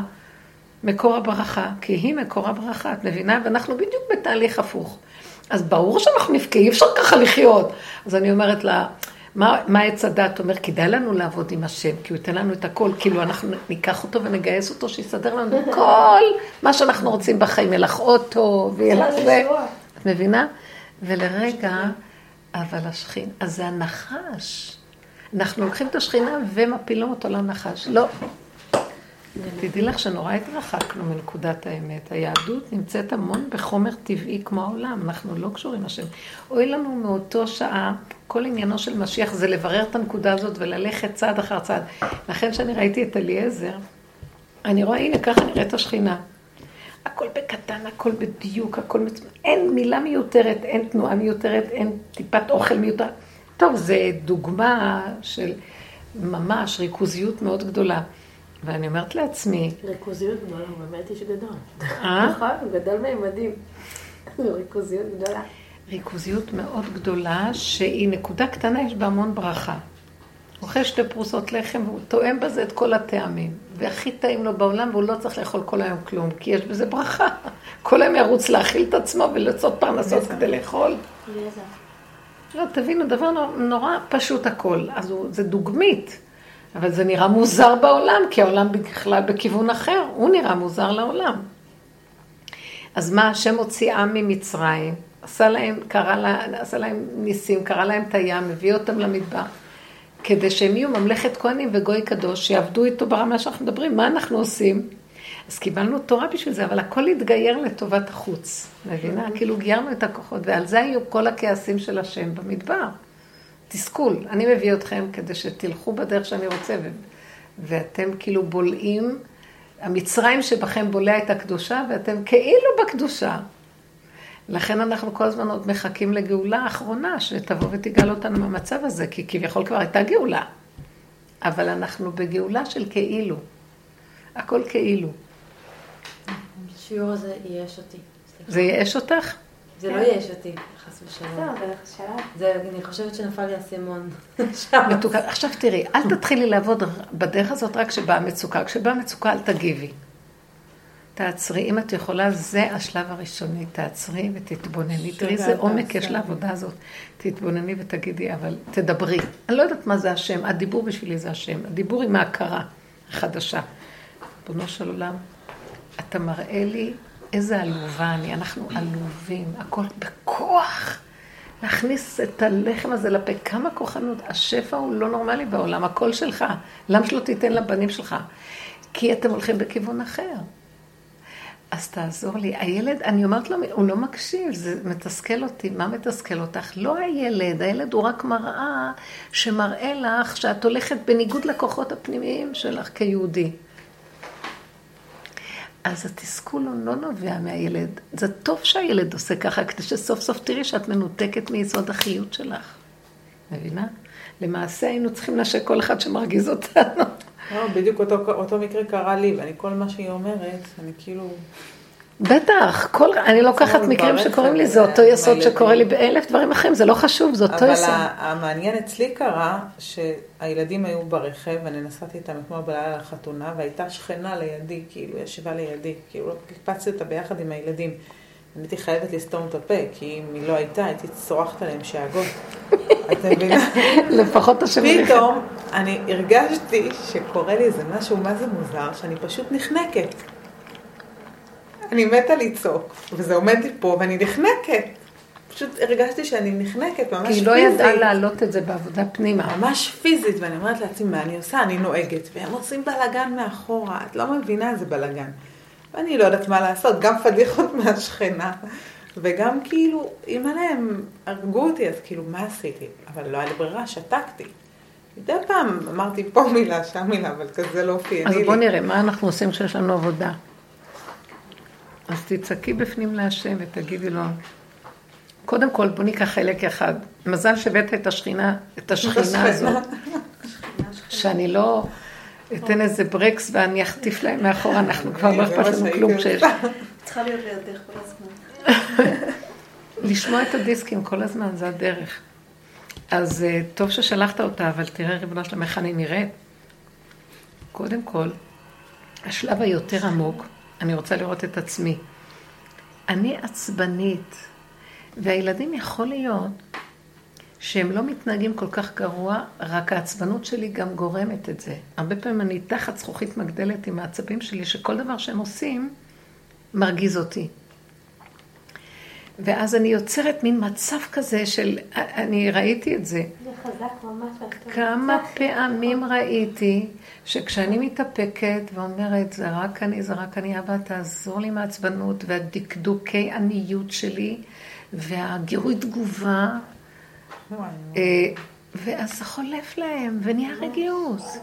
ואז עוד פעם ועוד פעם, והרבה פעמים ראיתי, יכולתי להרוג אותם, בשביל מה? כי עבדתי על הנקודה לראות שזה תחת זכוכית מגדלת שהדמיון עכשיו מדמיין לי סוף העולמות. יכול להיות שהשכנה לא רואה שזה כל כך גרוע כמו שאני. פעם סיפר לי אחיין שהיה בבני ברק אצל חבר שלו, הלך להתארח לשבת, הבן של אחותי. אז הוא חזר וסיפר לנו, הוא היה אצל משפחה חשובה כזאת, מתוקה, אה, ש... הילדים אומר לי, אמא, את לא מאמינה מה שראיתי שם. הוא היה בישיבה קטנה, גיל 16, וחבר שלו. ומלא ילדים קטנים בבית. אומר לי, את לא... אחד נתלה על החלון, אחד דפק את השולחן מלמטה, אחד אה, טיפס על הווילון, אחד זה... ואני כל רגע עשיתי ככה, ככה, ככה, כי הוא בא מבית עצבני, שהאבא והאימא כל הזמן מעירים. והאבא והאימא שם היו רגועים, שרו שירים, האמא ליד אבא ודיברו דברי תורה, ובכלל לא התייחסו לכלום מה שקורה לילדים. וזהו. ככה נגמרה הסעודה, וככה היה כל השבת, אבל ההורים בכלל, והילדים רגועים, אבל הם משתוללים. אבל הם רגועים, הם משתוללים, אבל ההורים לא מגיבים. גן עדן. את לא מבינה איזה יפה זה כי זה ילדים. מה, אז את אומרת שהם עבדו על עצמם? כן. כן, גם הצורה שלהם, תראי, זה אנשים, האיפוק הוא דבר מאוד טוב בכלל.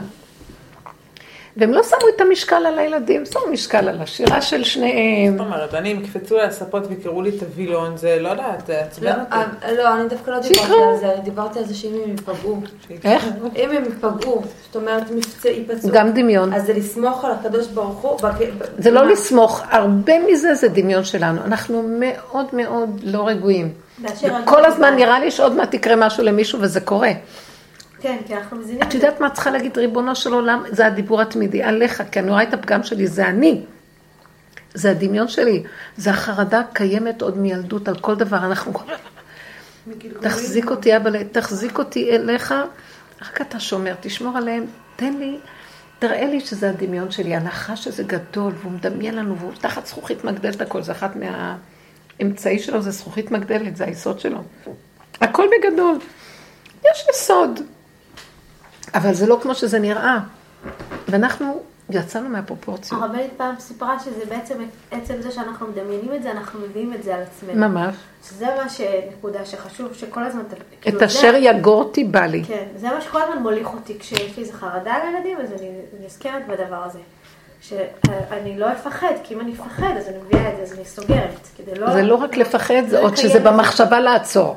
או להגשים את זה. תראו מה עושה, הוא לא... תורידי את העיניים. אני למדתי להוריד עיניים. העיניים שלנו, אני לא כזאת פחדנית, בעלי הוא מאוד. עכשיו, לא חשוב. מה אני עושה? לא, לא, לא, כאילו... עכשיו את צריכה לעבוד לא על הילדים. רק על בעלך, הוא שהוא לא ירגיז אותך, שירגיז לא, את הוא. כועס עליי שאני לא, כאילו, לא שומרת עליהם.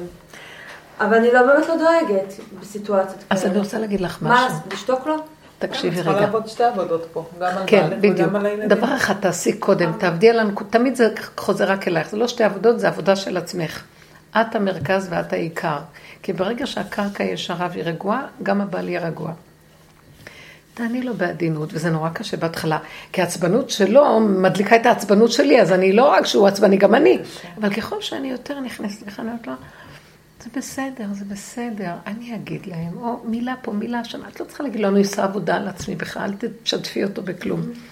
מפעם לפעם לפעם, את יכולה גם בזמן שזה, עם התשומת לב אליו, מוסחת בצורה של דיבור, של זה, אנחנו, את יכולה לדבר איתו, וממקום אחר, ופתאום יגיד, אני לא יכולה לסבול כי יש כאן רעש. את מבינים שאנחנו עצבנים בניגוד לכלום? כי יכול להיות גם שהוא יתרכז בך ובדיבור, ולרגע משתתק הכל. כמה פעמים נוסעת באוטובוסים, ואנשים מדברים בפלאפונים. מדברים בקול רם, וזה נורא מרגיז. כי את מתחילה עכשיו להישאב לתוך השיחה. אז את שומעת רק צד אחד, זה הכי מרגיז. מילא את שומעת גם מה ענו לו. את מבינה, אז לפעמים אני רוצה להגיד, די, שיפסיקו לדבר. אז רגע, מה הוא אמר לה? רגע, מה אני... ופתאום אני צועקת להשם, ריבונו שלום, תראה איך אני נראית, תת רמה. אין לי שום כוח שיכול להחזיר את הריכוז לנקודה, ובכלל למחוק אותם כי הם לא קיימים. כי זה, יש לנו מפתחות לעשות את זה עם המוח שלנו.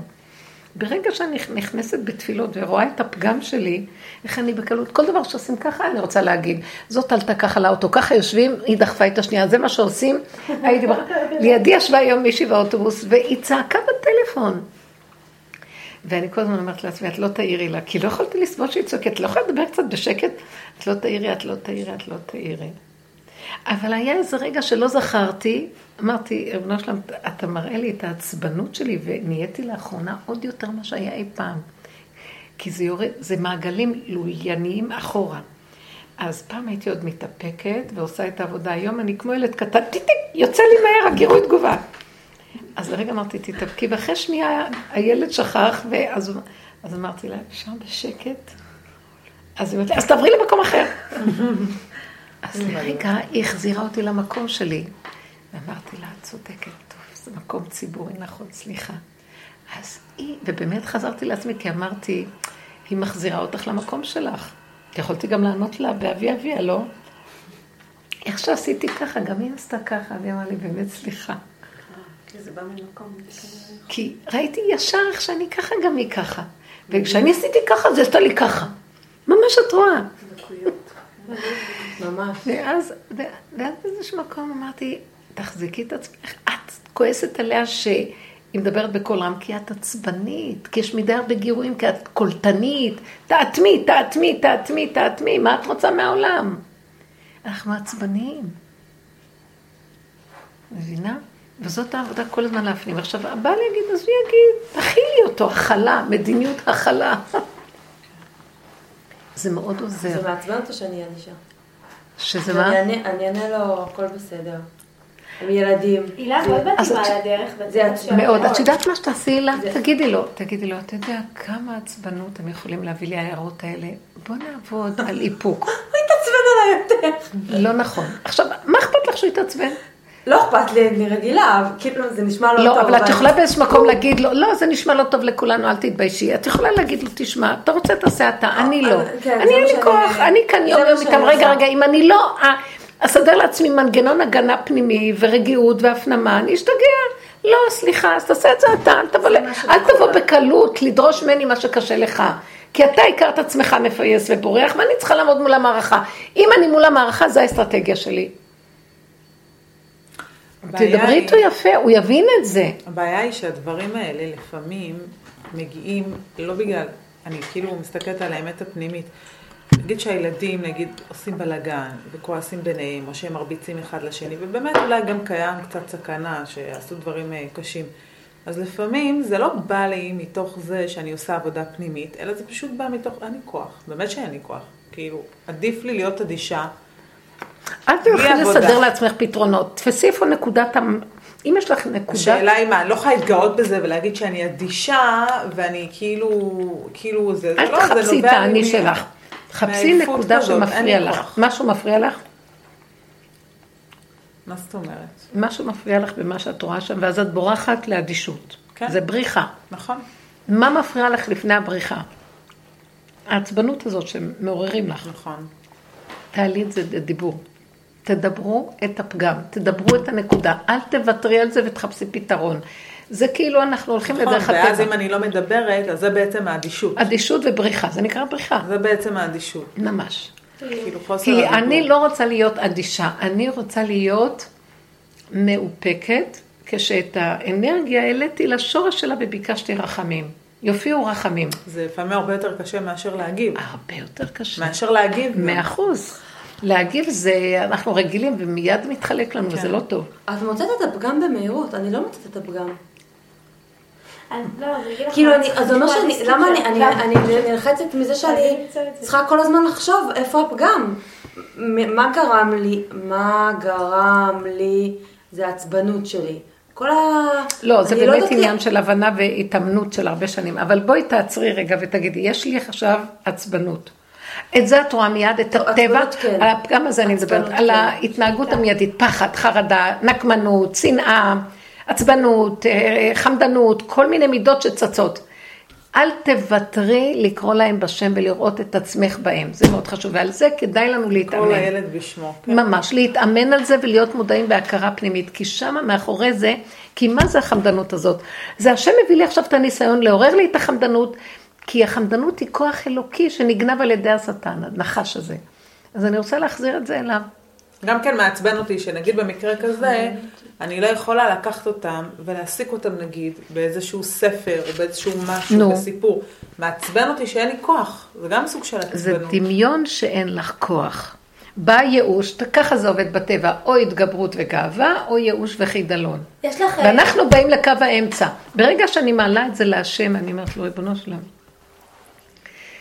תן לי כוח לעזור, תזרים דרכי איזו ישועה, שאני אלמד להעסיק אותם, שאני אשב איתם עם איזה ספר. את יודעת מה, אם את תיכנסי פנימה ותראי את הרפיון שלה ותמסרי אותו להשם, יש מין זרימה של כוחות שאת יכולה לשבת עם הרפיון בספה, ופתאום אני מוצאת את עצמי, אני, קרה לי אופן, שאני יושבת איתם ואני נהנית, פתאום כולם מתלכדים סביבי, אני מספרת להם איזה סיפור או איזה בדיחה, כולם מתגלגלים מצחוק, ופתאום הם כבר לא משתוללים והם לא זה, ואני בתוך הרפיון מוצאת את איזה מין כוח שעשה איזה פעולה שבטח שזה השם יתברך.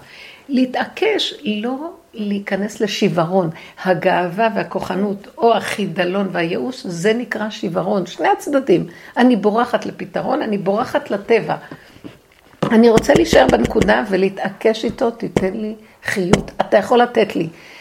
את יודעת כמה כוחות יש לנו בפנים? בוא נגיד שמישהו עכשיו היה נכנס ואומר לך איזו בשורה טובה, היית ישר כולך מקבלת את כל החיות שבעולם. המיטה שיש לנו היא, היא מהשיממון והחידלון של עץ הדעת. כשאנחנו לא מרגישים טוב. אתמול היה לי משהו מאוד מוזר, הגוף פשוט כאב לי. נכנסתי לספה ואמרתי לו, היום אני לא יכולה לעשות כלום. הגוף כאב, כאב, כאב. אז אני צריכה לבקש, מה, כאילו, אני, אני צריכה לבקש מהשם. את יודעת מה אני עושה? רגע. אל תבקשי סתם. תיכנסי קצת, תשתקי, תפנימי, תיכנסי פנימה, תכירי את המצב שלך, תכירי את העצבים, תכירי, תודי. אז תיכנסי פנימה ותכירי את הרפיון. את יכולה להיכנס קצת בחוויה של הרפיון, של העייפות, של התשישות של הגוף? זה, זה מאוד יפה הדבר הזה, תלמדו, אני אגיד לכם את האמת. בזה.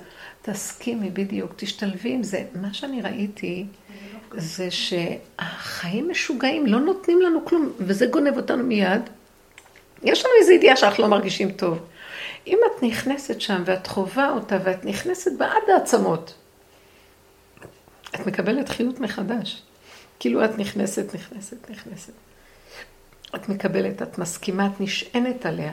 למשל, לפני שבאתי לכאן, היה לי יום כזה יום, שבדרך כלל, כבר, לא, אני לא עושה כאלה דברים, אבל הלכתי לשוק וקניתי כל מיני דברים ל... של ט"ו בשבט, לשלוח לזוגות הנשואים ולעשות להם. ואז לא היה לי עגלה, וחבל, יש לי בבית, ולא חשבתי שאני אעשה את זה. ומצאתי את עצמי נגררת הרבה וסוחבת דברים והולכת. זה קורה רבנית. זה קורה. זה כל הזמן קורה לך. את יודעת שכבר מזמן זה לא כל כך קרה לי. נכון שהייתה תקופה שכל הזמן קרה לי עד שראיתי שהשם כאילו אומר לי, את לא... כי אני אה, יוזמתית וגם אני רץ, אני אוהבת לעשות, אני אוהבת לתת. אני... ואז הוא עצר אותי בשנת שמיטה, מתחילת השמיטה. פתאום אני מוצאת את עצמי סוחבת. הגעתי הביתה ואז מישהי בטלפון, ואז אליעזר הגיע ואושרית, ואז ישבתי איתם והכנתי להם. ואז- ועד שסידרתי את הכל, ועד ועד ועד, וחשבתי עוד שאני אספיק להגיע אה, יותר מוקדם. ואז פתאום מצאתי את עצמי, הם הלכו וגמרנו את החבילות, הם גם לקחו לי את זה, כי חשבתי שאני בעצמי אלך להביא. כמה רציתי, המוח הגדול רוצה והוא לא יכול כלום. נראה לי שאני לא יכולה לאכול, מינימום. נכנסתי למיטה ואמרתי, אני, בהתחלה חשבתי אני אקום ואני כבר אסע לכאן. אמרתי, לא, כנסי, איזה תשישות אחזה בי, אני לא יכולה לתאר לעצמכם. פעם מדהים, הייתי. דורכת על זה, ובכלל אם הייתי מרגישה תשישות, תגידי. מרוב אה, כוח האינרציה לא מרגישים את התשישות. זה, העבודה הזאת הביאה אותי למקום שיותר ויותר הכרה שהבשר מדבר וקורא לי ואני מקשיבה לו. מה ש... אני והבשר, מה הקשר בכלל? אני מרחפת, אני מגדל פורח באוויר. נכנסתי למיטה. את לא מבינה איזה מתיקות. גם המוח של עץ הדת שטוחן נופל לתוך העייפות. אין כבר כוח בתחינה, אין כלום. עייפים כשאת יותר ויותר בבשר, גם המוח שמפריע נעצר. כי בדרך כלל המוח לא נותן לנוח. המוח הוא טוחן כל הזמן. ואיזה מתיקות הייתה לי להיכנס פנימה, פנימה, פנימה, פנימה, פנימה. לא יודעת להסביר לכם.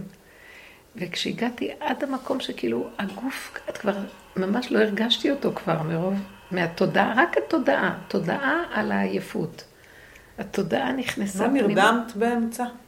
היה רגע של רפיון, באמת נכון, תודעה כזאת, ולא, רציתי לא, כי אפשר ללכת לאיבוד, ואני מאוד עובדת על זה שאני אגיע לגלי אלפא, שאני לא, יעב, לא אפול לתוך שינה. זה בין השינה לבין הערות. ומהמקום הזה, הגעתי למין השתוות כזאת, נשמתי ואמרתי, אני לא יודעת כמה זמן זה לקח. אמרתי לו, אז תקים אותי, אתה תקים אותי עכשיו. אני לא רוצה לקום מהכוחות שלי, תקים אותי. כאילו הייתי כמו אבן, הרגשתי גוש אבן, מרוב שהכל היה ממש דומם, דומם, דומם, דומם, הרגשתי את הכובד של הכלום. ואני לא יודעת כמה זמן זה לקח, ומי הקים אותי, כאילו בא משהו והושיב אותי, והקים אותי. באותו, לא יודעת איך, כמה זמן לקח, יכול להיות שלקח כמה דקות, אבל אני ביקשתי שהוא יקים אותי, כי אני הייתי אבן דוממת, ולא יכולתי לקום. איך אני אקום אם אני אבן דוממת? משהו הקים אותי, אז, ופתאום ראיתי שהגוף לא שלי בכלל, ושזה לא, לא המוח הריץ אותי, כי אני בחרדות ואני מפחדת לאחר. משהו ברכות הקים אותי, כאילו, כמו איזה גולם שהתיישב ושרח את הנעליים וסידר את הדברים, וקם. ובדיוק איך שקמתי, בדיוק בדלת דפקו, בעלי בדיוק הגיע. אני ראיתי כאילו מישהו מתאם את הדקות, את הזמנים, את הכל. כי זה לא סתם שבדיוק הוא הגיע, בדרך כלל לא מגיע בזמן, הכל היה, כאילו, ראיתי שזה לא אני מנהלת את מציאותי, אבל מה אני כן יכולה לעשות? לא להפריע, לא להיכנס. הוא נמצא שם והוא רוצה להקים אותי, הוא רוצה להפעיל אותי, ואני לא נותנת לו, כי אני פועלת מפה. ודווקא כשלא מרגישים טוב, תדעו לכם, תתחילו לקרוא את המפה הפוך. זה הוא מסדר שלא תרגיש טוב, כי הוא רוצה אותך אליו. כי הכוחנות שלנו מזעזעת, אז הוא עושה שתהיה קצת רפויה. אה, אל תשאלי, אני לא מרגישה טוב. הוא כאילו רוצה אותנו אליו, זה המקום הכי נפלא והמקום להתחדש. לרומם את הכוחות בחזרה. ואם זה קורה לך תקופה של איזה שבועיים, סתם, פתאום את מקבלת איזה, זה על גבול הדיכאון? מה זה? לא, לא, לא, לא, את צריכה לא לתת לדיכאון לקחת, זה הכל רק לא לתת למוח פרשנויות, כלום, להסכים לגוף, תיכנסי לגוף. את אולי, אם דיכאון זה עניין של המוח סוחב, המוח סוחב ויכול להפיל את האדם לדיכאון. תרדי לחושים, לא, אם את תסכימי. באמת, יש לך איזושהי חולשה במשך שבועיים, לא יודעת, אין לך כוח, כאילו, עברת איזשהו משהו ואת מרגישה שאין לך כוח, אותו כוח. למה את לא פותחת את הפה ודברי עם השם? את מאיפה זה בא שאין לך כוח? מתשישות. אז התשישות הזאת, תדברי איתו על התשישות. תגידי לו, אני, התשישות היא לא בגוף, את אישה צעירה ואין אין עניין שנחיה ככה. יש משהו... תשישות נפשית, מה זה משנה מה? נכון, אבל זה הנקודה. למה תשישות נפשית לוקחת אותי? כי לא יודעת מה. כי אני חיה עם. עץ הדת, אני חיה עם המוח הטוחן שלי, והוא טוחן אותי, בלי שתרצי, בלילה את טוחנת. אז לכן תקשיבו לגוף, תקשיבו לגוף. את מבינה, שרה? כן. תרדי מהמוח לגוף. לחוויות הגופיות הפשוטות, החושים, החושים. אבל מצד אחד את כן אמרת עכשיו שתישארו בחולי הזה קצת. זה מה שאמרתי, תרדי. לחושים. אוקיי, אבל כאילו מה, אז את כאילו מתכוונת שמהר תקומו, זה עניין של יכול להיות אה, שעה, שעתיים, יום, לא יומיים? יודעת מה כאילו? כל אחד. תראי, תתחילי לתרגל אפילו כמה דקות שאת נכנסת ואת לא נותנת למחשבות לשגע אותך ואת מרגישה את הבשר. תדמייני שאת פרה. כן. שערה פרה. תשבו כאילו, אני, זה מאוד עוזר לי. הבהמה היא מאוד מרגיעה. נכון. חיה את ה... היא זה חיה, זה. בריאה, היא לא מתאבדת, אין לה דיכאונות. ממש. למרות שהיום הם אה, כבר מלאות. גם הפרות, אבל כן, נכון, כי-. הבני אדם משפיעים עליהם. בטח. ואל תשכחי שאנחנו גם אוכלים אותם, אז אנחנו נכון, מושפעים משפיע, מהם. הכל, בקיצור, זה מין גלגל מעגל. שלא יכולים להפסיק איתו. כן. תאכלו מצד רק אחד, בשבת כאילו, גם- בשר, כי בשבת יש כוח להעלות את זה. עוף, בשר בשבת. סתם, למשל, גם. כן, אני בקטע הזה של האוכל, גם מאוד כזה, זה סתם שמעתי כמה האוכל מתועש וכמה באמת לא טוב וזה. מצד שני, להתחיל תהליך להיות טבעונית ולהיות, זה, לא יודעת. לא צריך? להשתגע.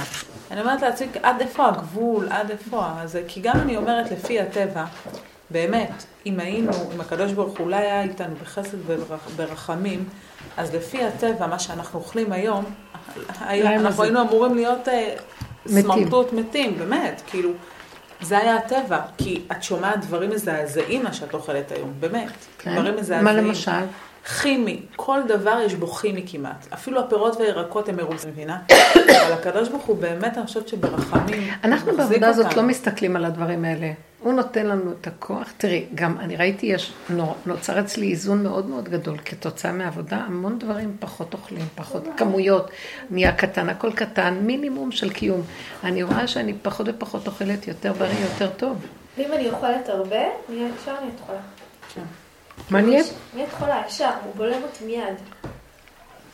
היא מדייקת אותנו, היא מדייקת. עכשיו. אז אם. אנחנו אוכלים קצת, אפילו אם יש... יכולה? כאילו, שמה עד היא? איפה הגבול? ניתה טבעונית. טוב, זה מה שאני אומרת, אין, זה לא זה, זה לא הנקודה, שרה. הנקודה היא האנשים הטבעוניים שהשם, זה אנשים חולים בנפשם. רובם אלה אנשים שבאמת, כאילו, הם עושים עבודה זרה מכל דבר, נו. גם אנחנו עושים, לא חשוב ממה, העיקר זה האיזון. האיזון זה לחזור לעצמי, והוא נותן, הוא שומר עליי. ככל שאני עובדת בקו האמצע, ולא בימין ולא בשמאל, הכל נהיה קטן, ממילא גם זה לא יזיק, גם אין הרבה.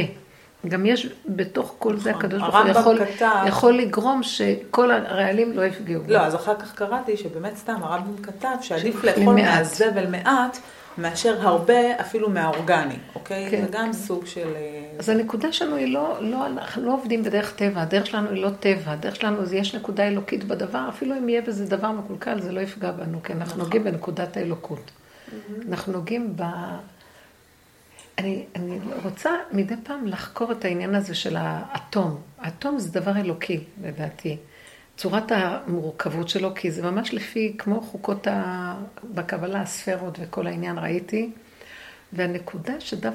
היוד הקטנה הזאת שוב פעם מכילה את הכל שוב פעם מחדש. נקודת החלקיק של הפרוטון בעצמו מכיל את הכל. אז כך שהנקודה הקטנה שאני נוגעת בה בצמצום, כבר לא חשוב אפילו מה שמסביב והכל. המורכבות לא, מש... לא משנה, כי אני נוגעת בנקודה קטנה של אמת, זה שומר עליי מהכל.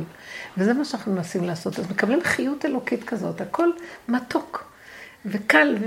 ויש רגעים, ויש רגעים, אבל כל הזמן אנחנו נותנים נקודה, אני מחפשת איפה המקום הזה, כשהוא בא, נוגעת בו, אותו מסתובב, פי, אני רוצה למצוא איפה הוא, והפגם זה היסוד שלו. כי מאחורי הפגם הוא נמצא, וזה מהר בא, בא ניסיון יכול גם ללכת, ואת הפסדת אותו. הילד עכשיו שצעק, הפסדת, כי את הולכת בטבע, וברור, מתרחבת. לא, תופסת את הנקודה, חוזר, צריכים להתאמן במנגנון של העבודה. אז במקרה במקום שלה, שמנגנון עץ הדת ייקח היא יצאה אותה. עוד בפחות נזק, כי יש כאלה במקרה שלך, שאם זה חוזר תמידי כל הזמן, אז זה כבר הולכים לפסיכולוגים ולכל מיני כן, אנשים. כן, כן. ויאללה, לא. זה, זה בעולם, אנחנו לא במקום הזה. שרה. את מרחיבה לנו את העולם. אנחנו במקום שלנו, יודעים את זה, מזמן דיברנו, אנחנו צריכים להתמקד בנקודה שלנו. נקודת האמת, הילד הוא סיבה. הבעל הוא סיבה, השכנה היא סיבה שישבה לידך, שאת לא תזרקי עליהם, תסתכלי על עצמך, תעלי את זה לשם. נתקעת פה, כי לא העלית את זה. מה זה להעלות? להעלות את הדיבור לתודעה. מלא. מבינה? נתקעתי. ובשקט יכולה שאת נוהגת. אני מדברת לתוך הנפש שלי. רק אתה יכול לעזור לי, תעשה שהחושים שלי לא בשכנה אתה. רואה אותי ממלמלת כל מיני דברים. אז תדברי איתה לידה. אני, אני חוף של ליד אנשים כבר מדברת. ולא אכפת לי בכלל, כי מי לא, הם בכלל? סתם, סתם אומרת. לא, ככל שתתאמני, כן? מי הם בכלל? אני אפילו משתפת אותם. אני אפילו אומרת לה, כאילו אני מדברת להשם. זה נקרא פלול. פלול זה פלילים. לפעמים אני הייתי רואה שלא היה לי כוח, הייתה תקופה שלא יכולתי להרים סידור, להתפלל, כלום, נפל לי התפילה מהסוג הזה. ואז השם, דיברתי מה שאמרתי לו, אתה יודע מה? הדיבורים שלי בשיעורים זו התפילה שלך. ויש את העניין... אבל למה לא ביקשת ממנו שאת תוכלי להתפלל? למה ביקשת את זה למשל? שמה? לא, בא לי המצפון, ושיגע אותי למה אני לא מתפללת. נו, אבל. אוקיי, אז למה ביקשת ממנו לא שהשיעורים שלך יהיו... זה, ולא לא שתוכלי לא, להתפלל. לא ביקשתי, אמרתי לו. אמרתי למצפון, דיברתי עם אוקיי. המצפון, אמרתי לו, מה אתה בא לקט רגל שלא מתפללת? השיעור שלי זה התפילה. ותפילה מלשון פלילים. אני עושה פלילים עם, התפ... עם השיעור, כי אני אומרת את זה, ואני אומרת את זה, ואני טוען ונטען, אנחנו כל הזמן דנים עם המוח. ואני רואה את הפגם שלי, ואני חוזרת אליו, ואני מדברת אותו, ואני מעלה אותו. זה, זה התפילה. נפתולי אלוקים נפתלתי מלשון פלילים. כי אני תופסת את החיובי והשלילי. זה כמו בית משפט הנה, גם קטן. אני הרגשתי את זה פעמיים בחיים, כי כשהילד שלי היה, אז שסיפרתי לו בתאונה, אז כשהוא היה בתאונה, בזמן הזה שהיינו בבית חולים, התפללתי, התפללתי, צעקתי להשם, את יודעת, כל היום הספר תהילים. פתאום אחר כך, אחרי שברוך השם, לא יכול חזר, כלום.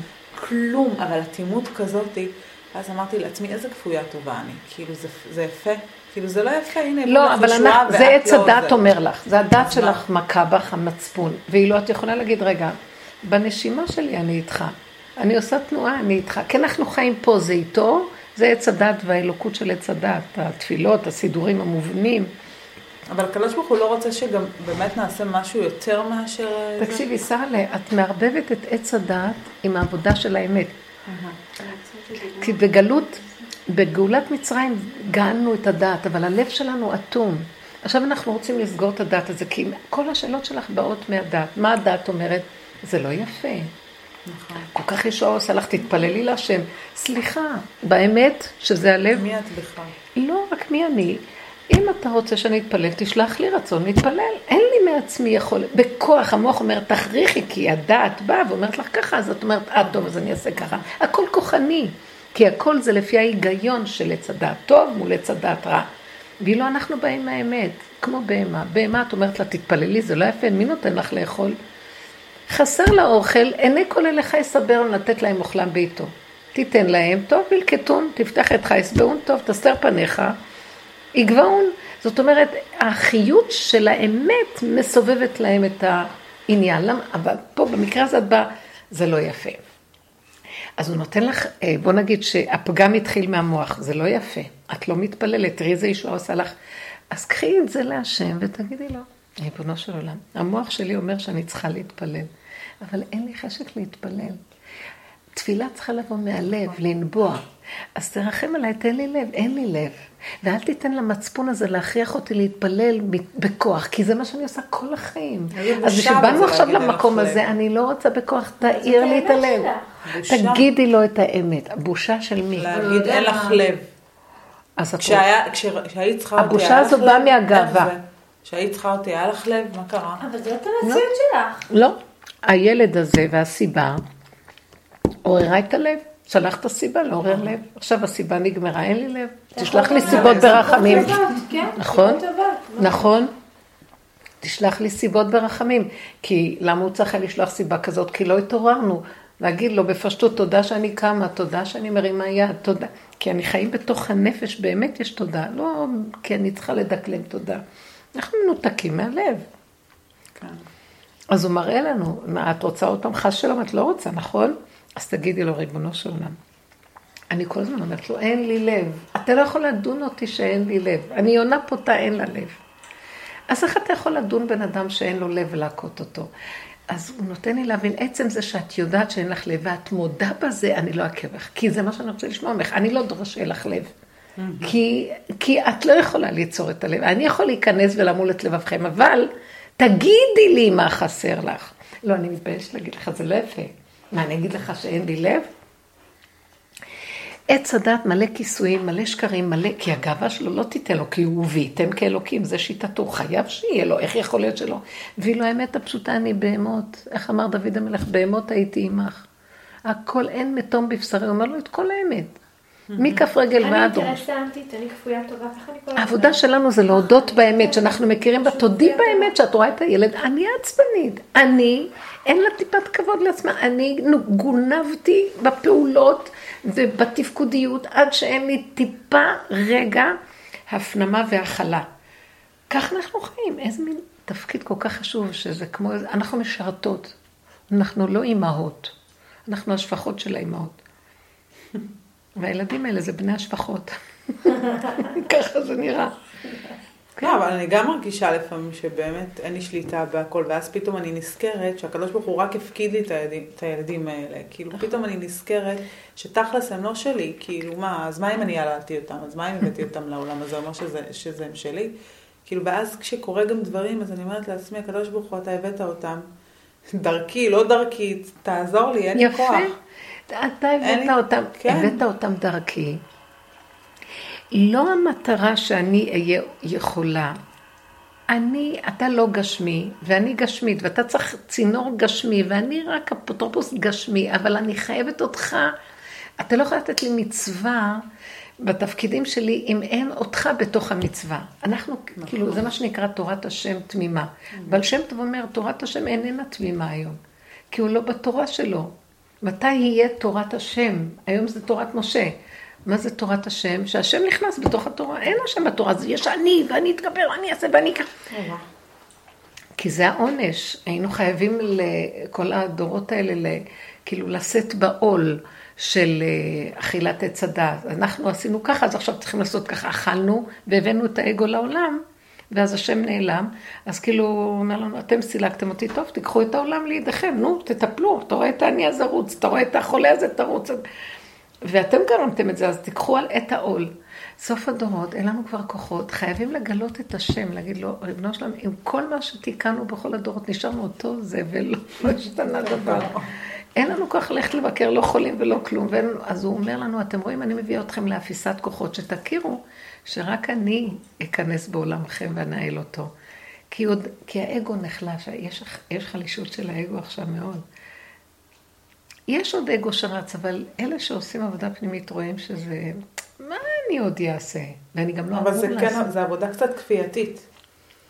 היא נכון שהיא מבחירה, אבל קצת כפייתית, כי באמת אנחנו בכאלה מצוקות היום, שבאמת לא, אנשים בדרך הטבע לא יכולים להתגבר. הם לא יכולים להתגבר. בדרך הטבע אין אפשרות להתגבר. אי אפשר. אנחנו במצוקות נוראיות, אנחנו לא מבינים עד כמה. נכון. זה השם מביא כדי שאנחנו נוכל, רק נצעק אליו. ויצעקו אל השם, ותעל שבתם אל זה האלוקים. מה שאני שואלת אותך. איך הדור הזה, איך הדור הזה יקום? כאילו זה לא נשמע שהדור הזה עושה תשובה. את תדעי, סתם אני אומרת, זה לא נשמע שה... אחד כמונו עושה עבודה, הוא מקים אלף. לא, ברור, אבל כאילו, אבל אני גם חושבת שבאמת המצוקות האלה שבאות הם אלה שבסוף יהיו התשובה, כאילו, ברור. שאנשים יקומו מרוב מצוקות, אבל הם הפסידו ברור. את היכולת לעשות עבודה עצמית. את מבינה מה אני מתכוונת? זה לא יהיה בבחירה. כאילו, שבת תגיע. מי לא שלא. הכין גם ייכנס לשבת, כי היא תגיע, אבל הוא לא הכין. זה לא בחירה, נכון. נורא חשוב להבין, השיעורים האלה הם ברמה, באמת, אני רוצה להגיד לכם, של אמת לאמיתה, מ- מיסוד היהודי, שכל מטרת ביאתו לעולם זה הבחירה. בחירה. לבחור להכיר שיש השם. כל הסיפור של עץ הדעת זה רק בשביל ליצור את אלה המצב של שיישארו הבחירה. לפלטה זה אלה שבחרו בעצם. ככה אני מאמינה. הלוואי, אני, אני מקווה שכולם יישארו לפלטה גם אם לא בחרו, אבל בעצם הבחירה האמיתית יש כזאת סברה. שאלה שיישארו לפלטה הם אלה שבחרו. שבחרו. כי תלוי מה נקראת פלטה. יכול להיות שיישארו בגופים, אבל אם אין להם את, כאילו, יסוד ה... רב אושר היה מדבר על זה הרבה. שמה? שאלה עליי, על המצב שלי. אני מרגישה בזמן האחרון, כאילו, הייתי בטוחה שהמוח שלי סגור. שאני בעבודה. עכשיו בתוך השיעור פתאום חשבתי לעצמי שאולי אני פשוט עצלנית. ואולי אני לא מספיק עובדת. כשסיפר, כשסיפרתי על המצב הזה שכל דבר הייתי רואה, פתאום אמרתי, הרבה זמן את, בכל, את אה, לא... נכון, הרבה זמן אתם לא כל כך בקשר, לא, אני כל הזמן שומעת שיעורים. כן? בטח. יכול להיות שצריך כל את יום. המפגשים. כי אני אגיד לכם למה הדרך הזאת, גם עם רב אושר אמר, כל הזמן צריכים לדבר, כל הזמן, האמנתי כי אדבר. אז זהו, זאת השאלה. הדיבור אם והקשר והמפגשים נטענים, נטענים. אז אם יש. מציאות שאני כאילו כבר, אז, אני שואלת שאלה, האם יש מציאות שבאמת קצת אה, הזנחתי? לא, או אני- שפשוט אני כבר לא מתעסקת עם הפגם, כי כבר רביתי. לא, קרה. משהו. העבודה הביאה מצב שעץ הדת, אה, הדמיון התפרק. עץ הדת זה דמיון, זה עננים פה חשוכים. הם, הם יורדים, אבל בכל אופן אנחנו בטבע, ועדיין יש להם יסוד. ואנחנו יכולים, כתוב, אה, גם כהן בגיל 80, יוחנן כהן גדול, נהיה צדוקי. בגיל 80, יוחנן כהן גדול, הוא היה, הוא היה הנכד של יהודה המכבי. באיזה אותות, איזה מופתים, איזה אורות הם היו, והוא בגיל 80, איזה קדוש הוא היה, הוא נהיה צדוקי. זאת אומרת שתמיד עד יום מותו, הבן אדם מסוכן פה מתוכנת עץ הדת. אז לכן תמיד צריך עוד לעבוד, לעבוד, אבל זה הולך בדרגות, דרגות, דרגות, והשם איתו. ככל שהוא מתעקש ולא מרפה ונופל וקם ועוד פעם ועוד פעם, והוא ממשיך במקום הזה, בשביל זה רב אשר היה מדבר שצריך להיות בחברותה ולדבר, ושגם לצאת להתבודדות, אבל ההתבודדות אנחנו יכולים לעשות את זה בכל רגע, בכל מצב. את ההתבודדות אני עושה כל הזמן, אבל מה שכן אני חושבת שאני מפספסת את, ה...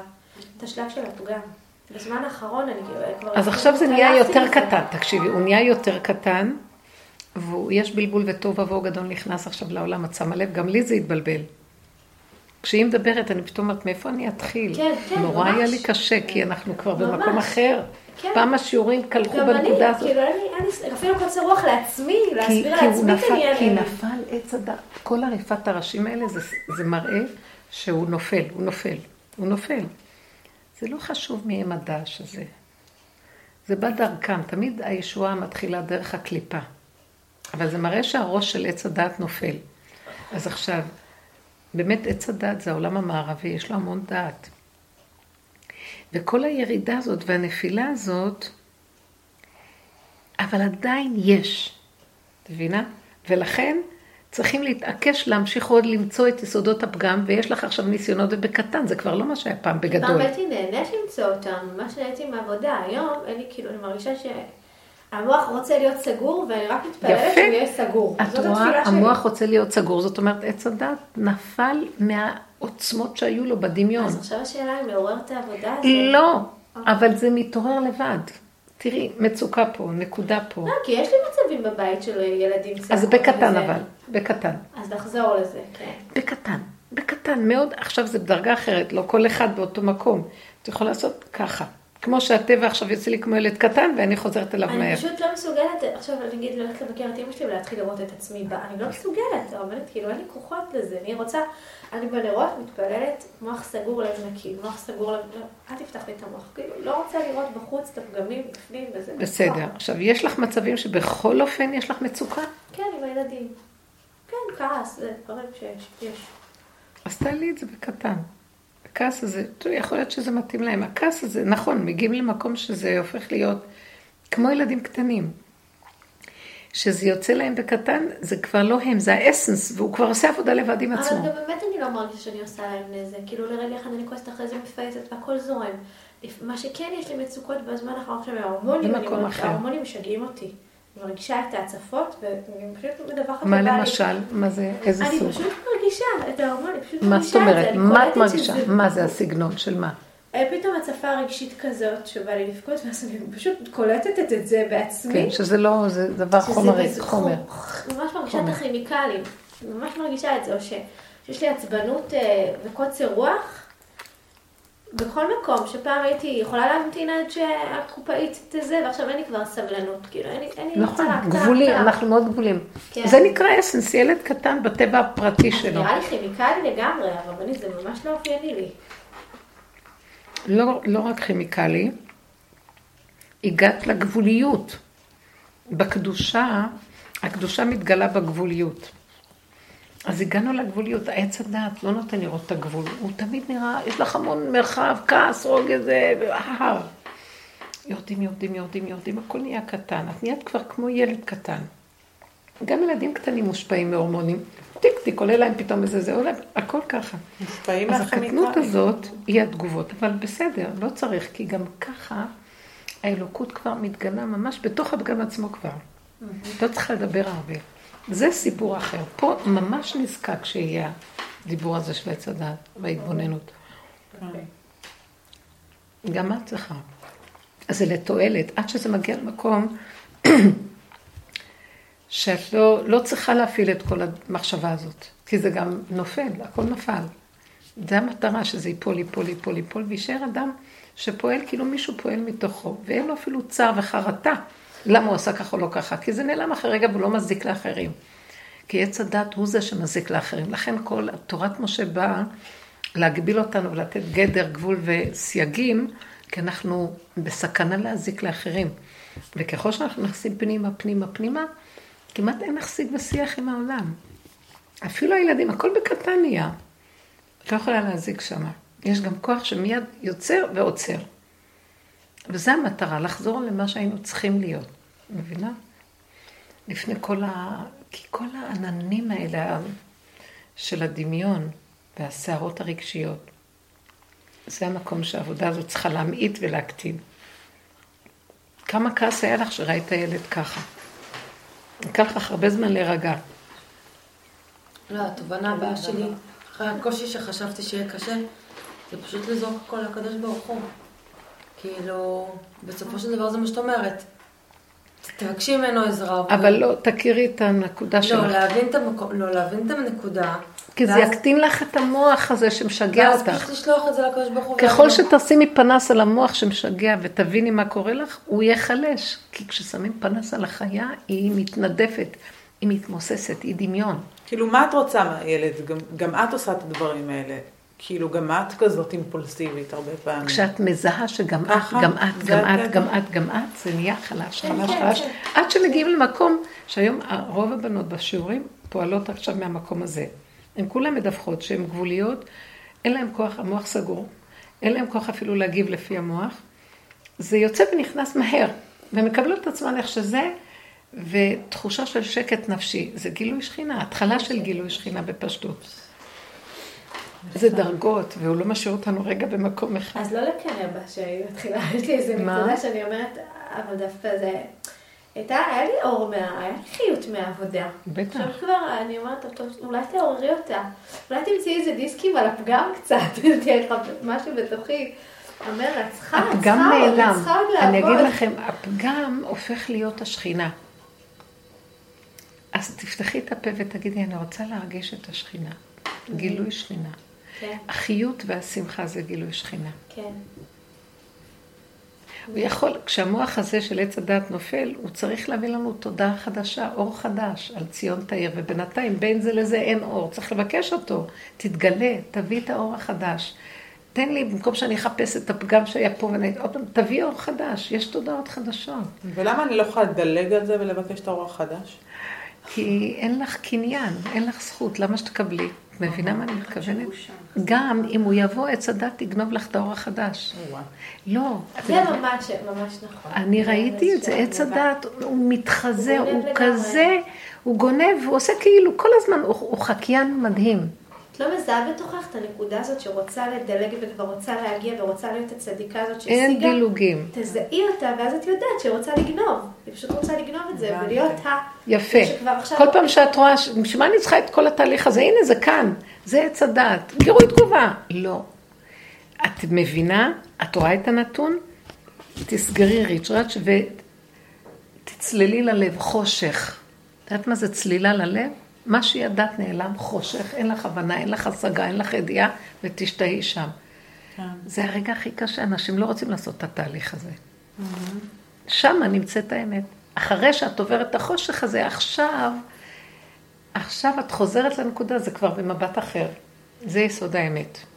כי עץ הדת הוא משחק כאילו אמת, כאילו יודע, כאילו, הכל כאילו אצלו. אני, אני רוצה להגיד לך שהן עובדות שם קצת על ה...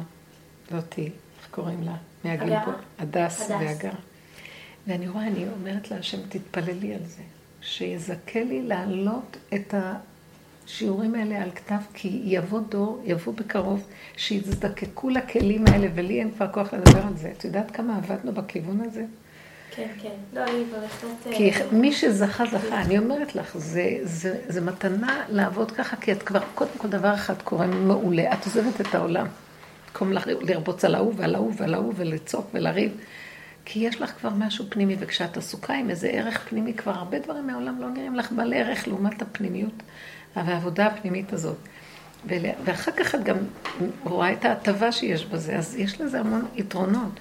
במקום שאדם כל הזמן עסוק מה לקנות, מה לעשות, איך לזה, ואיך להתלונן להוא, ואיך לבכות על זה, ואיך אה, לפחד מזה, ואיך... המוח עסוק בכיוון, הוא עסוק למטה, הוא לא פה.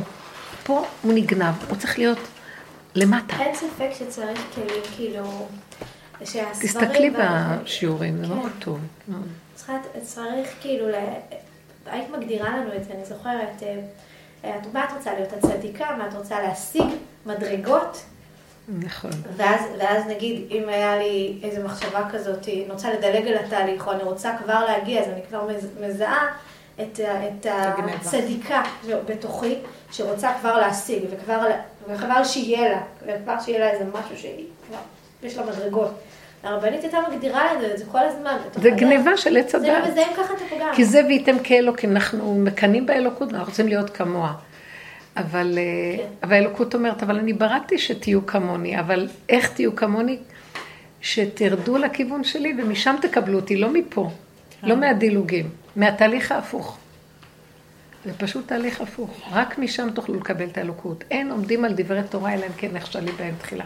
כל הדברי תורה שאנחנו כאן עומדים, זה, לא, זה גירוי תגובה, כשאנחנו סוגרים את המקום הזה ואז חושך לנו.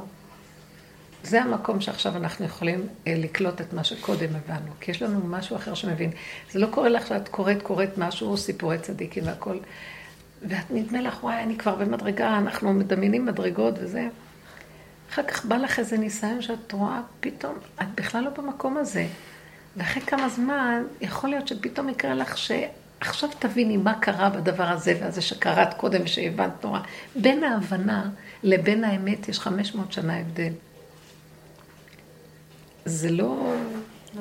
אנחנו פועלים על ההבנה, הבנה, השגה, ידיעה. זה, זה עולם שלנו, שטחי עם המון ספרים, המון הבנות, המון דיבורים, וכולם מבינים. בניסיון, אנחנו הבנה. משהו אחר לגמרי. כאילו, כשאת מבינה, אז את כבר לא, את טועה. בדיוק. כשאת לא מבינה, אז כן, פה מתחילה כן. האמת. כן. כל עולם התורה של הגלות, הגמרות, מושתתות על הבנה. אין אמת. זה התורה, הגילוי של האמת מאוד מאוד מוסתר. וכשיפסיקו להבין, אבל בכל אופן, הקדוש ברוך הוא נתן את זה. הוא נתן כי צריכים לתקן את ה... זה, זה תיקון הסבך של עץ הדעת. מפלפלים כנגד הבלבול, פלפול נגד הבלבול של עץ הדעת. אז זה עול. זה נקרא, אה, זה סזיפי, זה לא נגמר. אנחנו רוצים לצאת מזה. נכון. הושיבני במחשכים קמטי עולם, זה התלמוד בבלי, כתוב את זה ב... במגילת איכה, הושיבני במחשכים, אז אמרו, זה תלמוד בבלי, קמטי עולם, כמו מתים אנחנו. כל היום טק, טק, טק, צריך קושייה, צריך שיהיה קשה כדי שנתחיל. אין אמונה. מלא זעזוע. הכוח של האמונה הוא משהו אחר לגמרי. שכל האמונה הוא משהו אחר לגמרי. שכל האמונה הוא גילוי אלוקות. ובגמרא אין, זה כאילו, סוגרים את המקום הזה. אין, אנחנו צריכים לעמול ועול וקשה והמוח. זה עוד תיקון הדעת. התלמידי חכמים הם עובדים קשה מאוד כדי לתקן את המקום הזה של הדעת. על ידי הפלפול.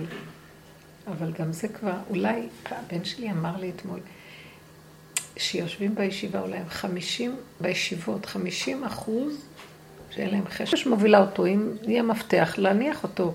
כי אם אני אשב בגוף, אני בייאוש. זה נשמע ייאוש, מה שאת אומרת, וככה זה, כולם בייאוש. נכון. אבל אם יש לנו עבודה כזאת, אני לא יודעת כלום. נועלת, הולכת בעבודה שלי, כמו שהיא אמרה, מה שלא יקרה, אני לא, אני לא, אני לא צד פה.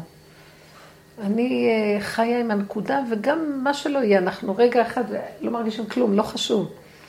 חשוב שכשאני, בוא נגיד, אפילו רגע אחד לא, לא נרגיש כלום, בוא נגיד, אבל כשאני עוזב את העולם הזה אחרי 120, שאני אהיה קשור אליו באמת, ולא סתם אני אעוף מפה, אתם מבינים? כן. זה לא העניין אם נישאר פה נעוף מפה, זה העניין איפה אנחנו נמצאים בנפש במצב הזה. אנחנו קשורים איתו או לא. כן. או בדמיונות ועולמות והזיות, ועוד פעם, באים גלגולים כל הזמן, הם לא מתעייפים. אפשר גם לחיות אחרת, הלוואי ונזכה לזה, אבל צריך להתעקש על זה. נראה לי שמה שאת אמרת זה טוב, זה המקום שאנחנו נכנסים למקום הקטן, שהמוח הוא ברובו סגור, ויש אה, דברים קטנים והם חוזרים מהר, זה מין... זה הטבע בעצמו, זה כבר לא עץ הדעת. זה הטבע בעצמו מופיע, ומאחוריו יש מי שמנהל אותו וזה השם.